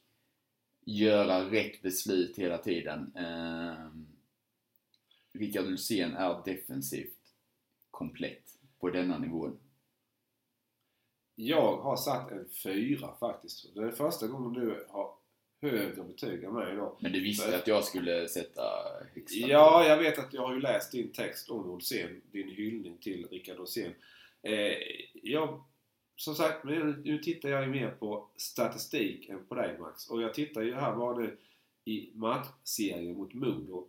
4-7 plus minus. Men, men det är klart att det, det finns säkert, han kanske starta mycket i egen zon och så vidare då som du var inne på. Så att det är inte helt Och han fick spela med, eh, inget illa om Nordlund nu, men när Renemark blev sjuk så Nordlund som hade varit utanför laget i ja, två månader, Ja. är den som Ulsén spelar med då. Ehm, Det var det jag kände lite också att eh, KIK hade ju i princip fem backar. Så, som, det var lite, jag känner lite både, vi kommer till Theo Nordlund här, att både Theo Nordlund och eh, Renemark liksom, det, det var, de var, kommer, det, det är inte samma klass på dem. Eh, Re, eller eh, Nordlund är ju lite samma spelartyp. Eh, kan, den här eh, drivande, den här pucksäkra och så, när han är i form. Men eh, Renemark är ju en annan typ av spelare. Mer kraftfull och, och, och så. Men eh, han, han har säkert eh, det här... Eh, Eh, vad ska man säga? Han, han missgynnas nog av att kanske få spela med Nordlund eller Renemark. Nu får jag nog eh, göra något åt min hals igen. Ja, men då, lite. eh, du vill ju ha kvar han förlorad men kanske, kanske kvar. Återigen. Återigen. Eh, och jag tror att eh, Rickard Ulfsén kommer att spela i eh, Kristianstad IK nästa år med. Eh, han, eh, Malmö vill ha över han. Nu har det öppnat upp sig med spelare som kommer hem från KL och annat.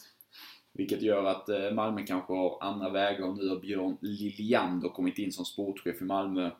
Inte Sylvegård som nu är någon eh, sportsligt ansvarig på något annat sätt. Eh, ordförande, direktör. Vet inte riktigt vad han, eh, Liljander, vet, vill om Ulsen. Då går vi in på Theo Nordlund som eh, sin första puckkontakt hemma mot AIK. Gjorde mål. Gjorde mål när han kom tillbaka från sin knäskada. Det var ett utav två mål som han gjorde.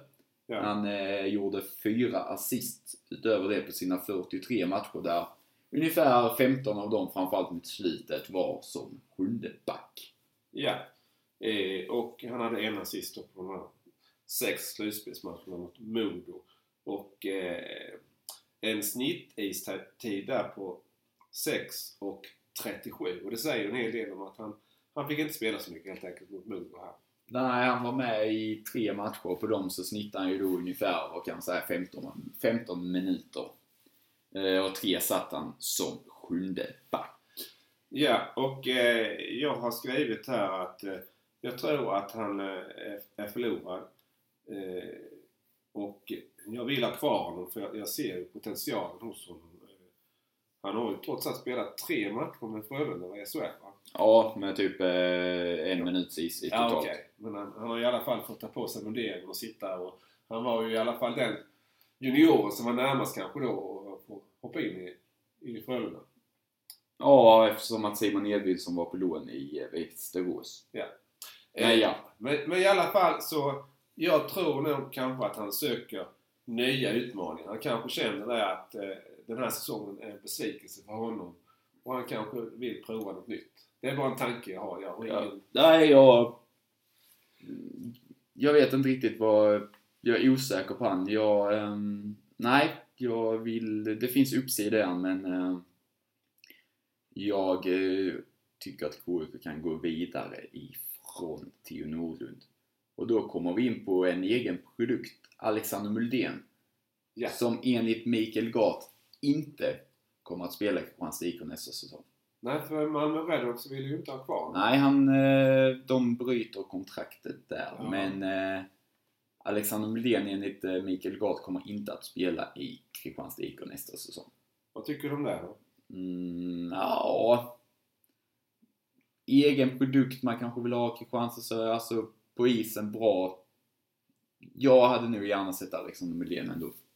Jag har faktiskt också skrivit att, att jag vill att han ska komma hem. Eh, för han har ju han har ju så himla mycket hockey i sig. Lite vi har pratat om Linus Pettersson, det här hockey, alltså lite han kan göra så mycket med pucken alltså på små ytor och, och han har ett bra skott framförallt, inte minst powerplay. Så han har ju en offensiv uppsida. Sen är det väl defensiven som, som eh, han behöver jobba med. Men eh, Där han, ja exakt. Och där har han haft det tufft i SHL men säkerligen tagit steg. ja. Men han spelar bara nio matcher för KIK så jag tycker inte vi behöver bedöma hans KIK-säsong så mycket Nej, mer. det var mest intressant om han skulle kanske vara på tapeten för 22-23. Men det är han inte då alltså. Och så har vi eh, KIKs första finländare sedan... Ja du. Eh, är Lindlöf kanske eller? Nej. Nej, men nu måste jag tänka efter här.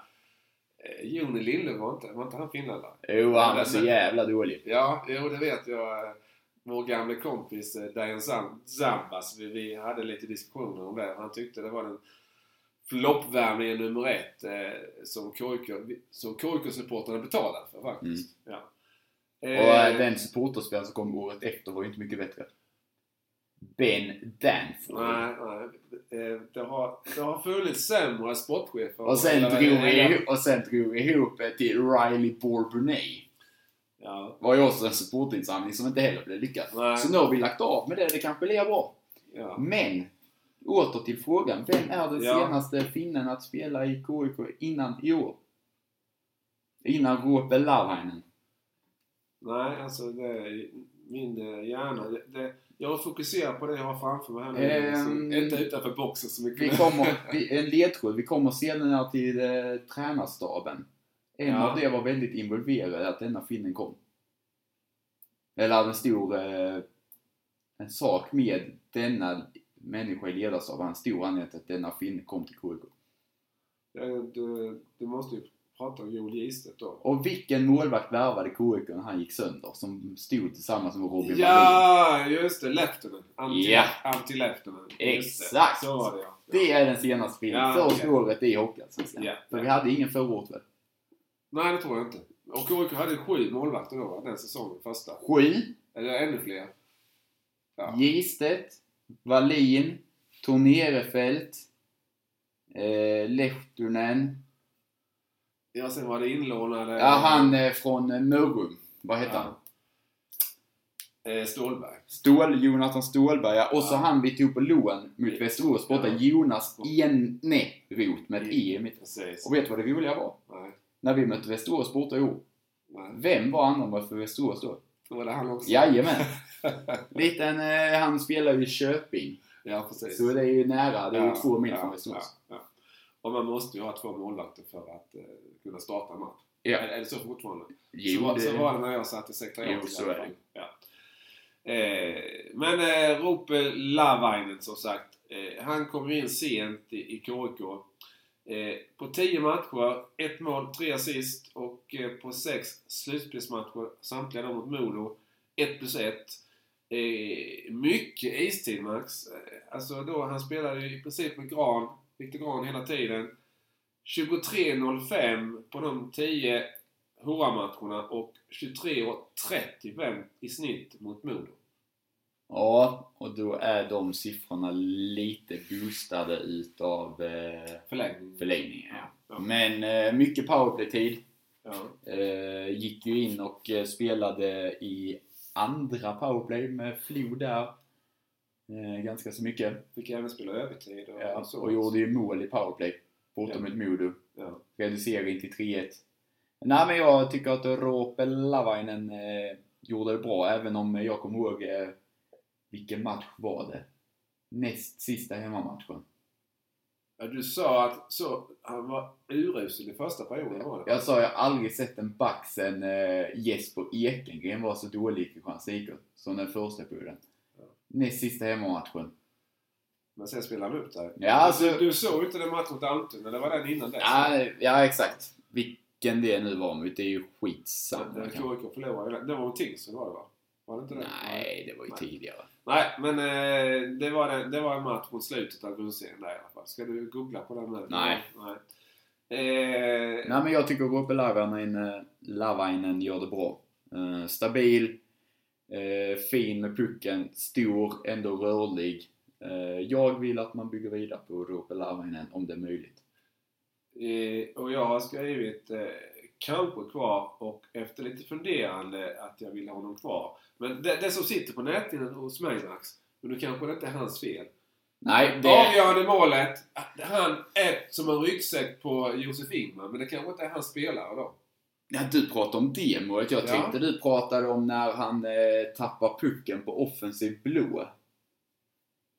Nej. När han ska finta i 2-7 matchen är det väl? Då när han får Ja, pucken på ja just det. Ja, Ja, men okej, just Fingmans 3-2 mål, det är Lavainen. Där måste han ta bort klubban. Han behöver inte ta bort Josef Ingman. Det räcker med att han bara tar bort hans klubba. ja. Så inte han får stöta in den. Och framförallt så får han inte tappa Ingman på insidan om sig. Där Ingman står mellan honom och målet. Han måste vara stark och hålla sin position och byggs ut. Men, eh, ja, det. Ja. Men jag gillar Lavainen. Jag tycker att han är bättre offensivt än defensivt och det är lite talande Mm. då för det målet där då. Eh, Men eh, efter lite funderande, jag tror att han passar in i Gats hockey. Det tror jag med. Ja, ja. Och Yes. en eh, som när man tänker på Kåkus backar, hur eh, Gat gillar att de ska se ut, men som kanske inte riktigt faller den ramen, som inte är det mest spelskickliga och så, är ju Isak Renemark. Ja, alltså jag vet inte vad du för, för att men han alla andra backar är ju de här spelskickliga Mm. backarna men Renemark har ju inte de kvaliteterna. Så nu får du utveckla hur du tänker. Ja, men det, han går ju lite emot om man byggt Ja. en övre backsida. Men Ja. eh, jag tror att man gillar... Han har lite problem med tempot i början, men han är stor, rörlig, rejäl, stark. Jag tror att man vill ha någon sån ändå i sin backbesättning för att bryta mönstret mot de andra. Ja. Och han tillsammans med Ulsén blir ju ett jäkligt bra shutdown-par. För man märkte ju ett tag när... eh, För han och Nordlund var ju ofta någon av dem som var Ja, skiljeback och annars var Ulsén. Ja. Och sen så blev ju någon avstängd så att eh, Nordlund och Renemark fick spela tillsammans som det var Krupic. Då blev det ju lite hönsgård där. Men eh, Renemark tillsammans med en ledare som Ulsén tycker jag gjorde det bra. Eh, mm.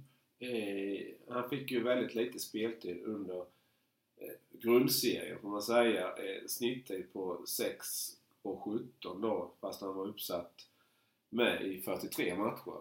Så att, eh, men det var ju, han var ju sjunde back eh, oftast. Och jag säger. tycker han har växt in i det på ett bra sätt. Eh, och jag vill gärna se, jag gillar det annorlunda Renemark har jämfört med vad andra backar och vad han kan bidra med. Så jag ser gärna att eh, Renemark får en eh, eh, ett papper med ett kontraktsförslag från Mikael Gat att kunna teckna under. Och jag har ju graderat mig så jag har skrivit eh, tveksamt, kanske, men behöver, behöver ju spela. Han är ju ung. Så, men, men är han en gattyp har jag också skrivit och det var ju med tanke på det här att han inte riktigt är den spelskickliga. Som du säger, KIK kanske behöver det. Någon eh, av, av lite annorlunda Alltså så, så länge man är rörlig och jag tycker han har växt in i tempot och klarat det i början så var han lite, tempot lite för högt. Men så länge man är rörlig så får han gärna vara så att man hänger med på skridskor. Det tycker jag mot slutet än ändå har gjort. Eh, sen kommer vi till dina... Ja, vi sa inte betyg. Jag satte med mina halvor 2,5 på Ja, Renemark. jag sett en tvåa. Eh, Sen har vi ju Kevin Engvall, Alex Rauter, Jakob Stridsberg, Måns Hansson, Oskar Hassel och Oskar Tellström. Ja. Eh, där eh, Tellström kom in på lån från Luleå, knappt spelat. Kevin Engvall och Oskar Hassel har varit där från och till från Rögle. Måns Hansson kom ifrån Troja, fick spela ungefär två perioder i någon match. Eh, Jakob Stridsberg och Alex Rauter lämnade tidigt, så de behöver vi inte nämna. Engvall och Hassel, om vi ska ta dem lite snabbt. Ja, de kommer tillhöra Rögle. Kanske att Rögle lånar ut dem för att de ska spela seniorhockey nästa år. När de går och blir seniorer. För jag tror inte de skriver kontrakt med Rögle. Så någon av dem kanske landar in här på lån. Eh, Tellström, samma sak, blir senior nästa år. Eh, Gat gillar honom, men konkurrensen var tuff. Möjligt att eh, Tellström får nytt förtroende här. Måns Hansson kommer inte spela i KIK. Nej, han var tionde back i Troja som nu är i Hockeyettan. Så att, eh, ja, och det pratade vi om tidigare. Jag förstod inte riktigt varför eh, Mikael Gard tog in Måns Hansson. Men det är klart att... Ja, men man ville ha, man ville ha åtta backar när man Ja. gick in i slutspel. Ja. För så här, eh, KIK fick i runda slängar eh, 200 000 för lånet av Amil Kupic. För dem så kunde man få in Tellström, man kunde få in Roope Larvainen, man kunde få in eh, Måns Hansson. Ja. Man gick upp till 14 forwards, man gick upp till 8 backar och kunde bredda truppen inför slutspelet. Man gjorde sig av med en spelare, fick in tre för ungefär samma pengar. Ja. Eh, Måns Hansson, billig lösning. Han har spelat i KIK och kunde gå in och fylla en roll om det. Om det hade behövts. Mm. Ja. Då går vi över till... Eh, Det var bra att du tog dem på rätt bräde där Max. ja, jag Tack kände att vi Ja. behöver inte ha fyra minuter om varje spelare. det, då går vi in på eh, säsongens största utropstecken. Kör du Max. Fredrik Dykov, eller Dishov. Du har lärt dig Dickov. Jag hörde ju att eh, jag lyssnade på Modepodden med han heter väl Mikkel Ågård. Eh, och då sa han Dickov. Så då tänkte jag, men han borde ju veta eftersom de är danska båda. Och de, Men sen delar, jag- de delade ju faktiskt rum också. Ja, men sen, sen när jag Ja. springer på eh, Fredrik här Ja. i trapphus med Bruce Ja. Eh, då var, det var tidigt då han bara Dishov. Jaha, okej. Och sen eh, nästa gång så sa han Dikov. Så eh, Ja, ja. det... Man kan nog säga båda då. Men jag tar Patrik Bexells The Gnome. Ja, okej. Eftersom att han har en liten tomte på sin mask. Men eh, Fredrik Dishov kommer inte att spela i KIK, han kommer att spela i Frölunda. Han har gjort en supersäsong. Supersäsong. Eh, jag behöver inte utveckla men jag har skrivit om Fredrik Dishov mycket där jag tyckte han skulle bli hela... seriens MVP nästan eh, skillnaden i siffror när KK hade han i mål jämfört med inte.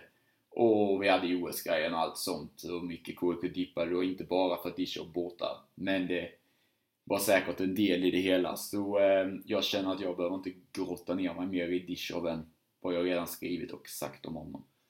Nej, eh, du har en femma då eller? Ja. Ja. Jag har Nästan, jag har, nästan Glenn Hysén-klassen sexa. Okej. och Vad, jag- sa- vad pratar vi då? NHL? Nej, då pratar vi fotboll. Då pratar vi Sverige. Ja men om en sexa här, vad blir det? Vi kan inte säga landslagsklass, för han spelar redan i Ja, du landslaget. menar så. Nej, eh, jag vet inte. Ja, jag vet att eh, 6 plus Glenn Hysén är, är matchen på Wembley 1989. 0-0 Sverige-England i VM Ja, ja. Till VM 1990 när Olle Gardins manskap förlorade 2-1, 2-1, 2-1. Ja. Jag kan min jag, historia. jag, jag tänkte, du, du är inte bara nörd på, på hockey, du, du kan en del fotboll också. Ja, eh, ja eh, Dishov eller Dickov. Eh, du sa här att det var skillnad när han stod och, eh, eller Olof Lindbom stod och eh, ser man här så är det ju i snitt eh, under grundserien Dickov släppte in 2,27 mål och eh, Lindbom 3,22. Och eh, Lindbom han vann 10 och förlorade 15 matcher. Dycker eh, vann 18 och förlorade 9. Siffror som är rätt så talande. Sen pratade vi när vi hade Mikael Gard som gäst här inför Modo-serien så sa, ville ju klart Mikael Gard säga att jag har två bra målvakter och, så vidare. Men det var väl rätt så klart för vår del i alla fall Max att Dickov skulle förstå så länge han eh, orkade. Lite som jag frågade ju nu eh, eh, eh, Modo-killarna där, Peter och Johannes, och de tror ju säkert att Tex Williamson kommer förstå så länge han nu orkar. Ja. Och, Du går med en målvakt. Även som vi pratade om Karlskoga hade jämn uppte- uppsättning så är det Volden som har stått där. Ja, Han går med en målvakt till den spelas ur. Uh, och Dishov bytte ju efter 5-0 mot Modo i match 4. Lindbom kom in och släppte två mål. Och det är en brygga över på Olof Lindbom som du kan få säga vad du tycker om hans säsong. ja alltså det, det är ju, han gjorde ju han gjorde ju några riktigt bra matcher. Jag vet en match hemma mot AIK var han ju den som nästan vann matchen åt KIK. Och, eh, men eh, överlag så är det klart att eh, han, han kan ju inte riktigt Du, nu får du prata lite själv här i någon minut. Jag ska Ja. ner och hämta ett paket.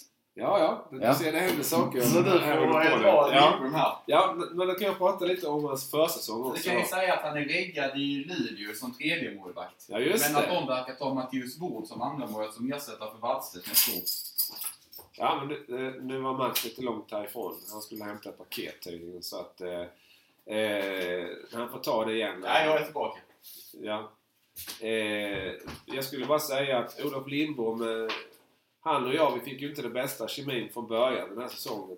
När, jag eh, inte sågade honom, men jag blev lite tveksam till eh, lite hur han agerade redan under ispremiären och även under de första matcherna under försäsongen. Men samtidigt som jag sa så har han gjort eh, några bra matcher och, och eh, lite otacksam roll också att vara eh, tvåa kanske då bakom Dickov. Även om eh, de faktiskt stod Dishov stod 28 matcher och Lindborg 27 under grundserien. Då var det någon där de eh, byttes då. Södertälje Ja. och en match till på hemmaplan. De byttes ut varsin match.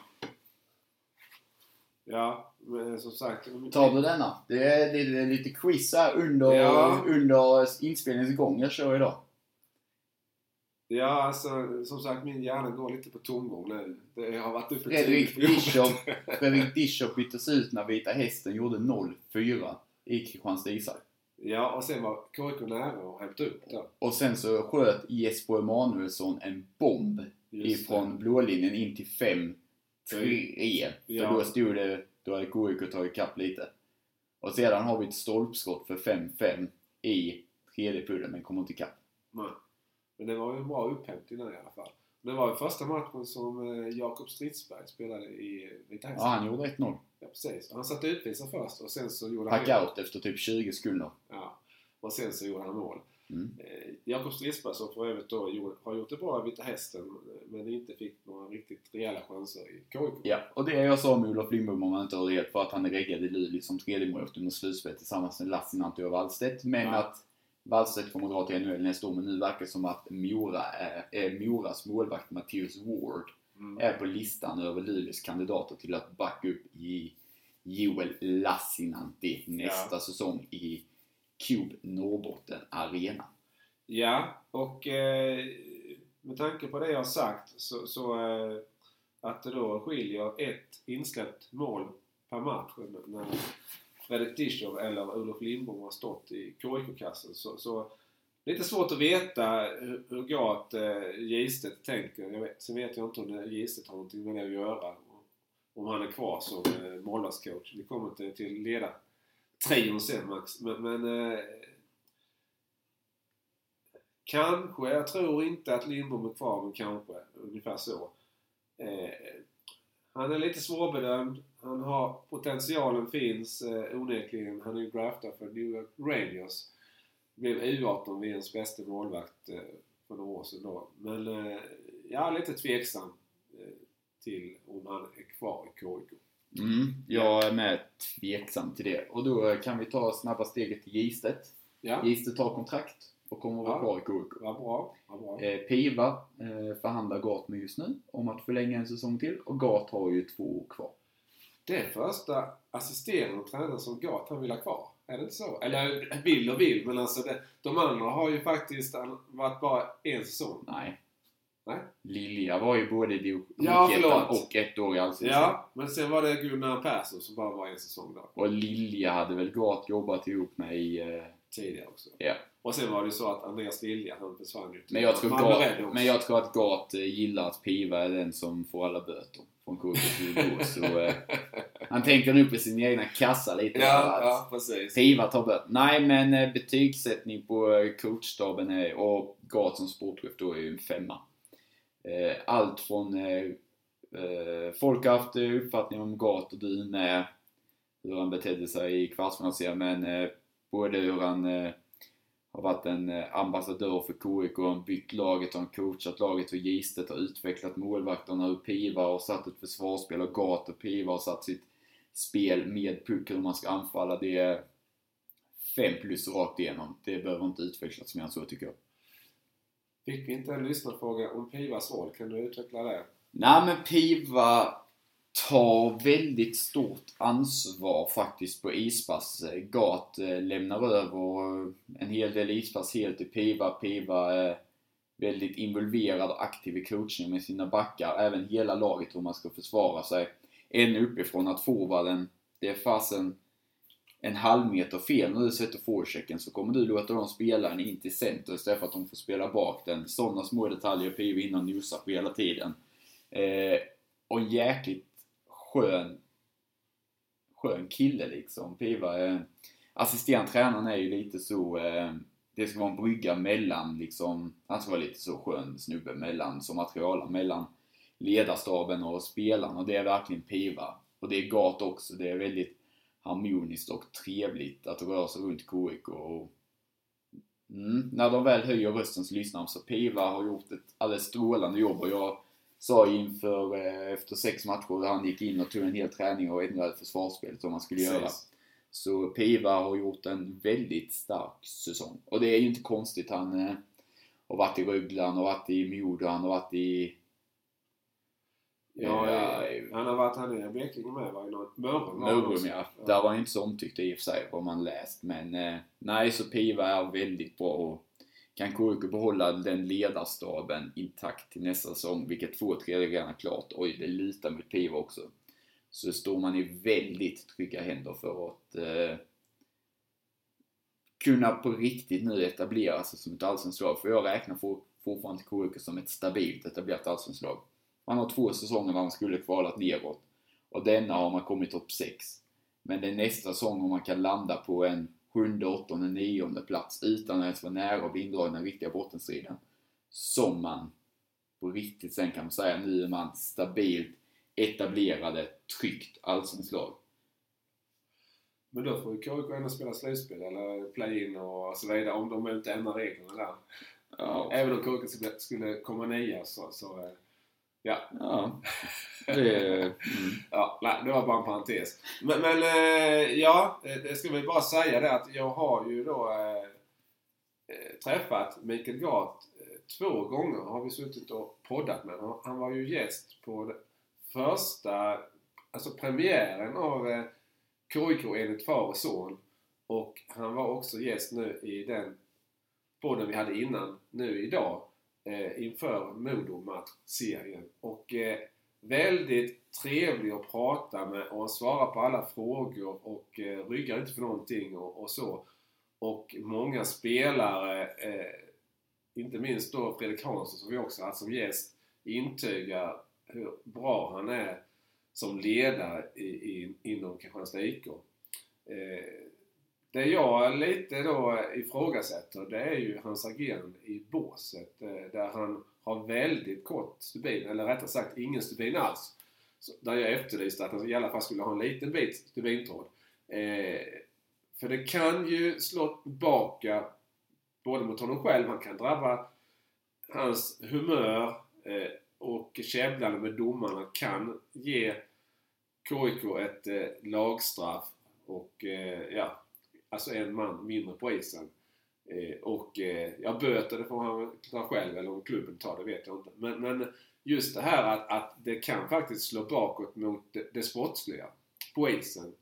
Eh, och sen, eh, han är ju en tävlingsmänniska ute i fingerspetsarna och eh, jag läste någonstans att eh, hans fru säger väl ibland att han kanske skulle lugna ner sig lite grann. Men det är ju passionen han har liksom för hockeyn och framförallt när det är som nu slutspelshockey. Och det var väl kanske likadant eh, i kvalserien förra säsongen. Då var han var rätt så laddad där också då när KIK spelade mot Väsby. Så att eh, Mikael Gart är, skulle jag säga, en dubbelbottnad person. Hur trevlig som helst utanför isen. Men när han står i båset, då blir han liksom... Det riktigt lyser om honom där att hans lag ska bara vinna liksom.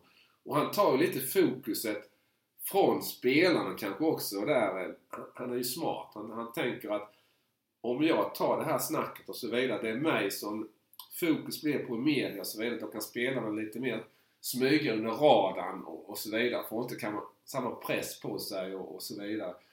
Han är ju på många sätt smart, eller hur Max? Ja, verkligen. Det är det. Så det är en femma i betyg till eh, eh, ledarstab. Alltså hade det kunnat vara en SHL-mässig ledarstab. Ja, jag har lite svårt för att bedöma som helhet. Men jag, jag har ju sett vad Joel Gistedt har gjort eh, sen han eh, avslutade sin, eh, tyvärr sin hockeykarriär eh, då med skadan mot Mora borta där. Eh, första, KIKs första hockeyallsvenska säsong. Men det var ju mycket tack vare Joel Gistedt som Kristianstad IK kom upp i Hockeyallsvenskan och han höll ju nollan i två matcher där i början på den första säsongen också. Mot AIK hemma och och, Västervik och borta. Västervik borta. Eh, och eh, han har ju sen fortsatt som eh, både målvaktstränare och videocoach. Och eh, var ju mannen bakom mycket Kalle Klangs eh, utveckling förra säsongen då och den här säsongen framförallt Fredrik Tischer då, men han har jobbat mycket med Olof Lindbom också. Så att eh, helt klart jättebra att Mikael Gart är klar, som du sa, för två säsonger till. Både som headcoach och sportchef. Och att eh, Joel Gistedt är klar för en säsong eller? eller? Mm, han är, det tror jag. Ja. Och att eh, Piva, du säger Piva hela tiden, Peter Johansson då, att han eh, förhoppningsvis då också blir klar här som assisterande tränare. Mm. Och med det Ja, så är vi klara för säsongen. ja, det får vi väl nästan säga att vi är klara vad gäller Kristianstad IK. Och lyssnarfrågor ifrån eh, eh, ehm, eh, Johan, Andreas, eh, Juge, Stefan, Filip, Alexander, eh, Maria, eh, Johan, en till och så vidare är besvarade i det vi pratat om. Det är det? Ja. ja. vi har ju pratat om rätt mycket så att, eh, ja. Eh, jag skulle bara vilja... Har du någonting mer runt KIKs säsong och så? Säga? Nej, Då skulle jag vilja säga att jag tycker det har varit Jättetrevligt det här Max, eh, säsongen med dig. KIK Elins far och son. Och eh, vi skriver på Svenska fans och vi poddar på Svenska fans. Både då KIK-podden då och även då den Hockeyallsvenska podden med eh, Adam eh, Gunnarsson från Södertälje och eh, då eh, Johannes Forsberg och Peter Kempe från Modo-redaktionen och Henrik Olsson då från Västerås-redaktionen. Jättetrevliga killar allihopa som vi har haft mycket kul med och vi kommer att podda lite här för Modo är ju fortfarande kvar i SM, eller i slutspelet här mot SHL. Eh, så att det blir kanske någon mer podd där som vi kan vara med. Och eh, vi kommer väl fortsätta att skriva också. Men eh, poddandet för KIKs del kanske tar lite sommarlov nu, Max? Skrivandet för mig tar nu med sommarlov. Ja, Eh, du har varit idog här så att... Jag är eh, inte så jäkla... Jag gillar silly season men... Eh, inte så jäkla mycket roligt att skriva fram och tillbaka och innan man vet vad laget är på pappret. Så... Eh, någonstans i juli kanske jag skriver igen. Ja, vi Juli, augusti någonstans. ja, vi får se. Jag kanske blir lite flitigare än Max, så vi får se lite vad som händer och, och så här. Eh, men vi vill passa på att tacka alla. Framförallt vill vi tacka Kristianstad IK eh, här, laget. Vilken fantastisk säsong laget har gjort. Alltså den första säsongen då som eh, Kristianstad IK spelar slutspel mot landets högsta hockeyliga. Och eh, ja, både spelare och ledare där runt omkring laget. Och eh, måste också säga att eh, fansen, eh, det har ju varit lite käbbel där men eh, tycker vi skriver ju för fansen, Kristianstad IK och eh, tycker att vi har många vänner inom Kristianstad IK som vi, som jag vet följer oss eh, när vi, där vi skriver, där vi pratar om och så. Så vi tackar för ert stöd och eh, även vill vi tacka alla nya hockeyvänner som jag har fått. Du har kanske haft dem sedan tidigare Max, många av dem. Men jag har fått många nya vänner runt om i landet. Nya hockeyvänner från eh, många olika klubbar nu när Kristianstad IK har kommit in i Hockeyallsvenskan och eh, vi har börjat att ha de här eh, KIK Elins far och även HA-podden då. Så eh, mycket trevligt allt det här och, jättekul att vi har gjort det här tillsammans Max. Så ja, jag vill bara tacka för allt det här och eh, ja, vill du säga någonting om Nej, tack detsamma. Det räcker så. Då eh, säger vi tack så länge och så förhoppningsvis så kommer vi tillbaka här framåt hösten här eh, med eh, nya KIK-poddar. Vi kan inte lova någonting men eh, vi hoppas på det. Och så...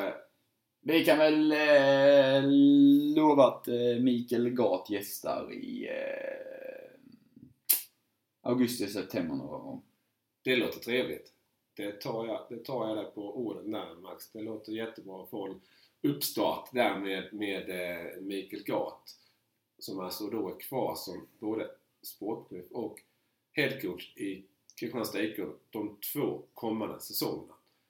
Ja, något mer? Nej. Då så tackar vi så mycket för detta som har varit och önskar er alla en riktigt skön fortsättning på våren här och sommaren och så hörs vi någon gång i början på hösten där kanske då. Ha det så jättebra allihopa och tack! はい。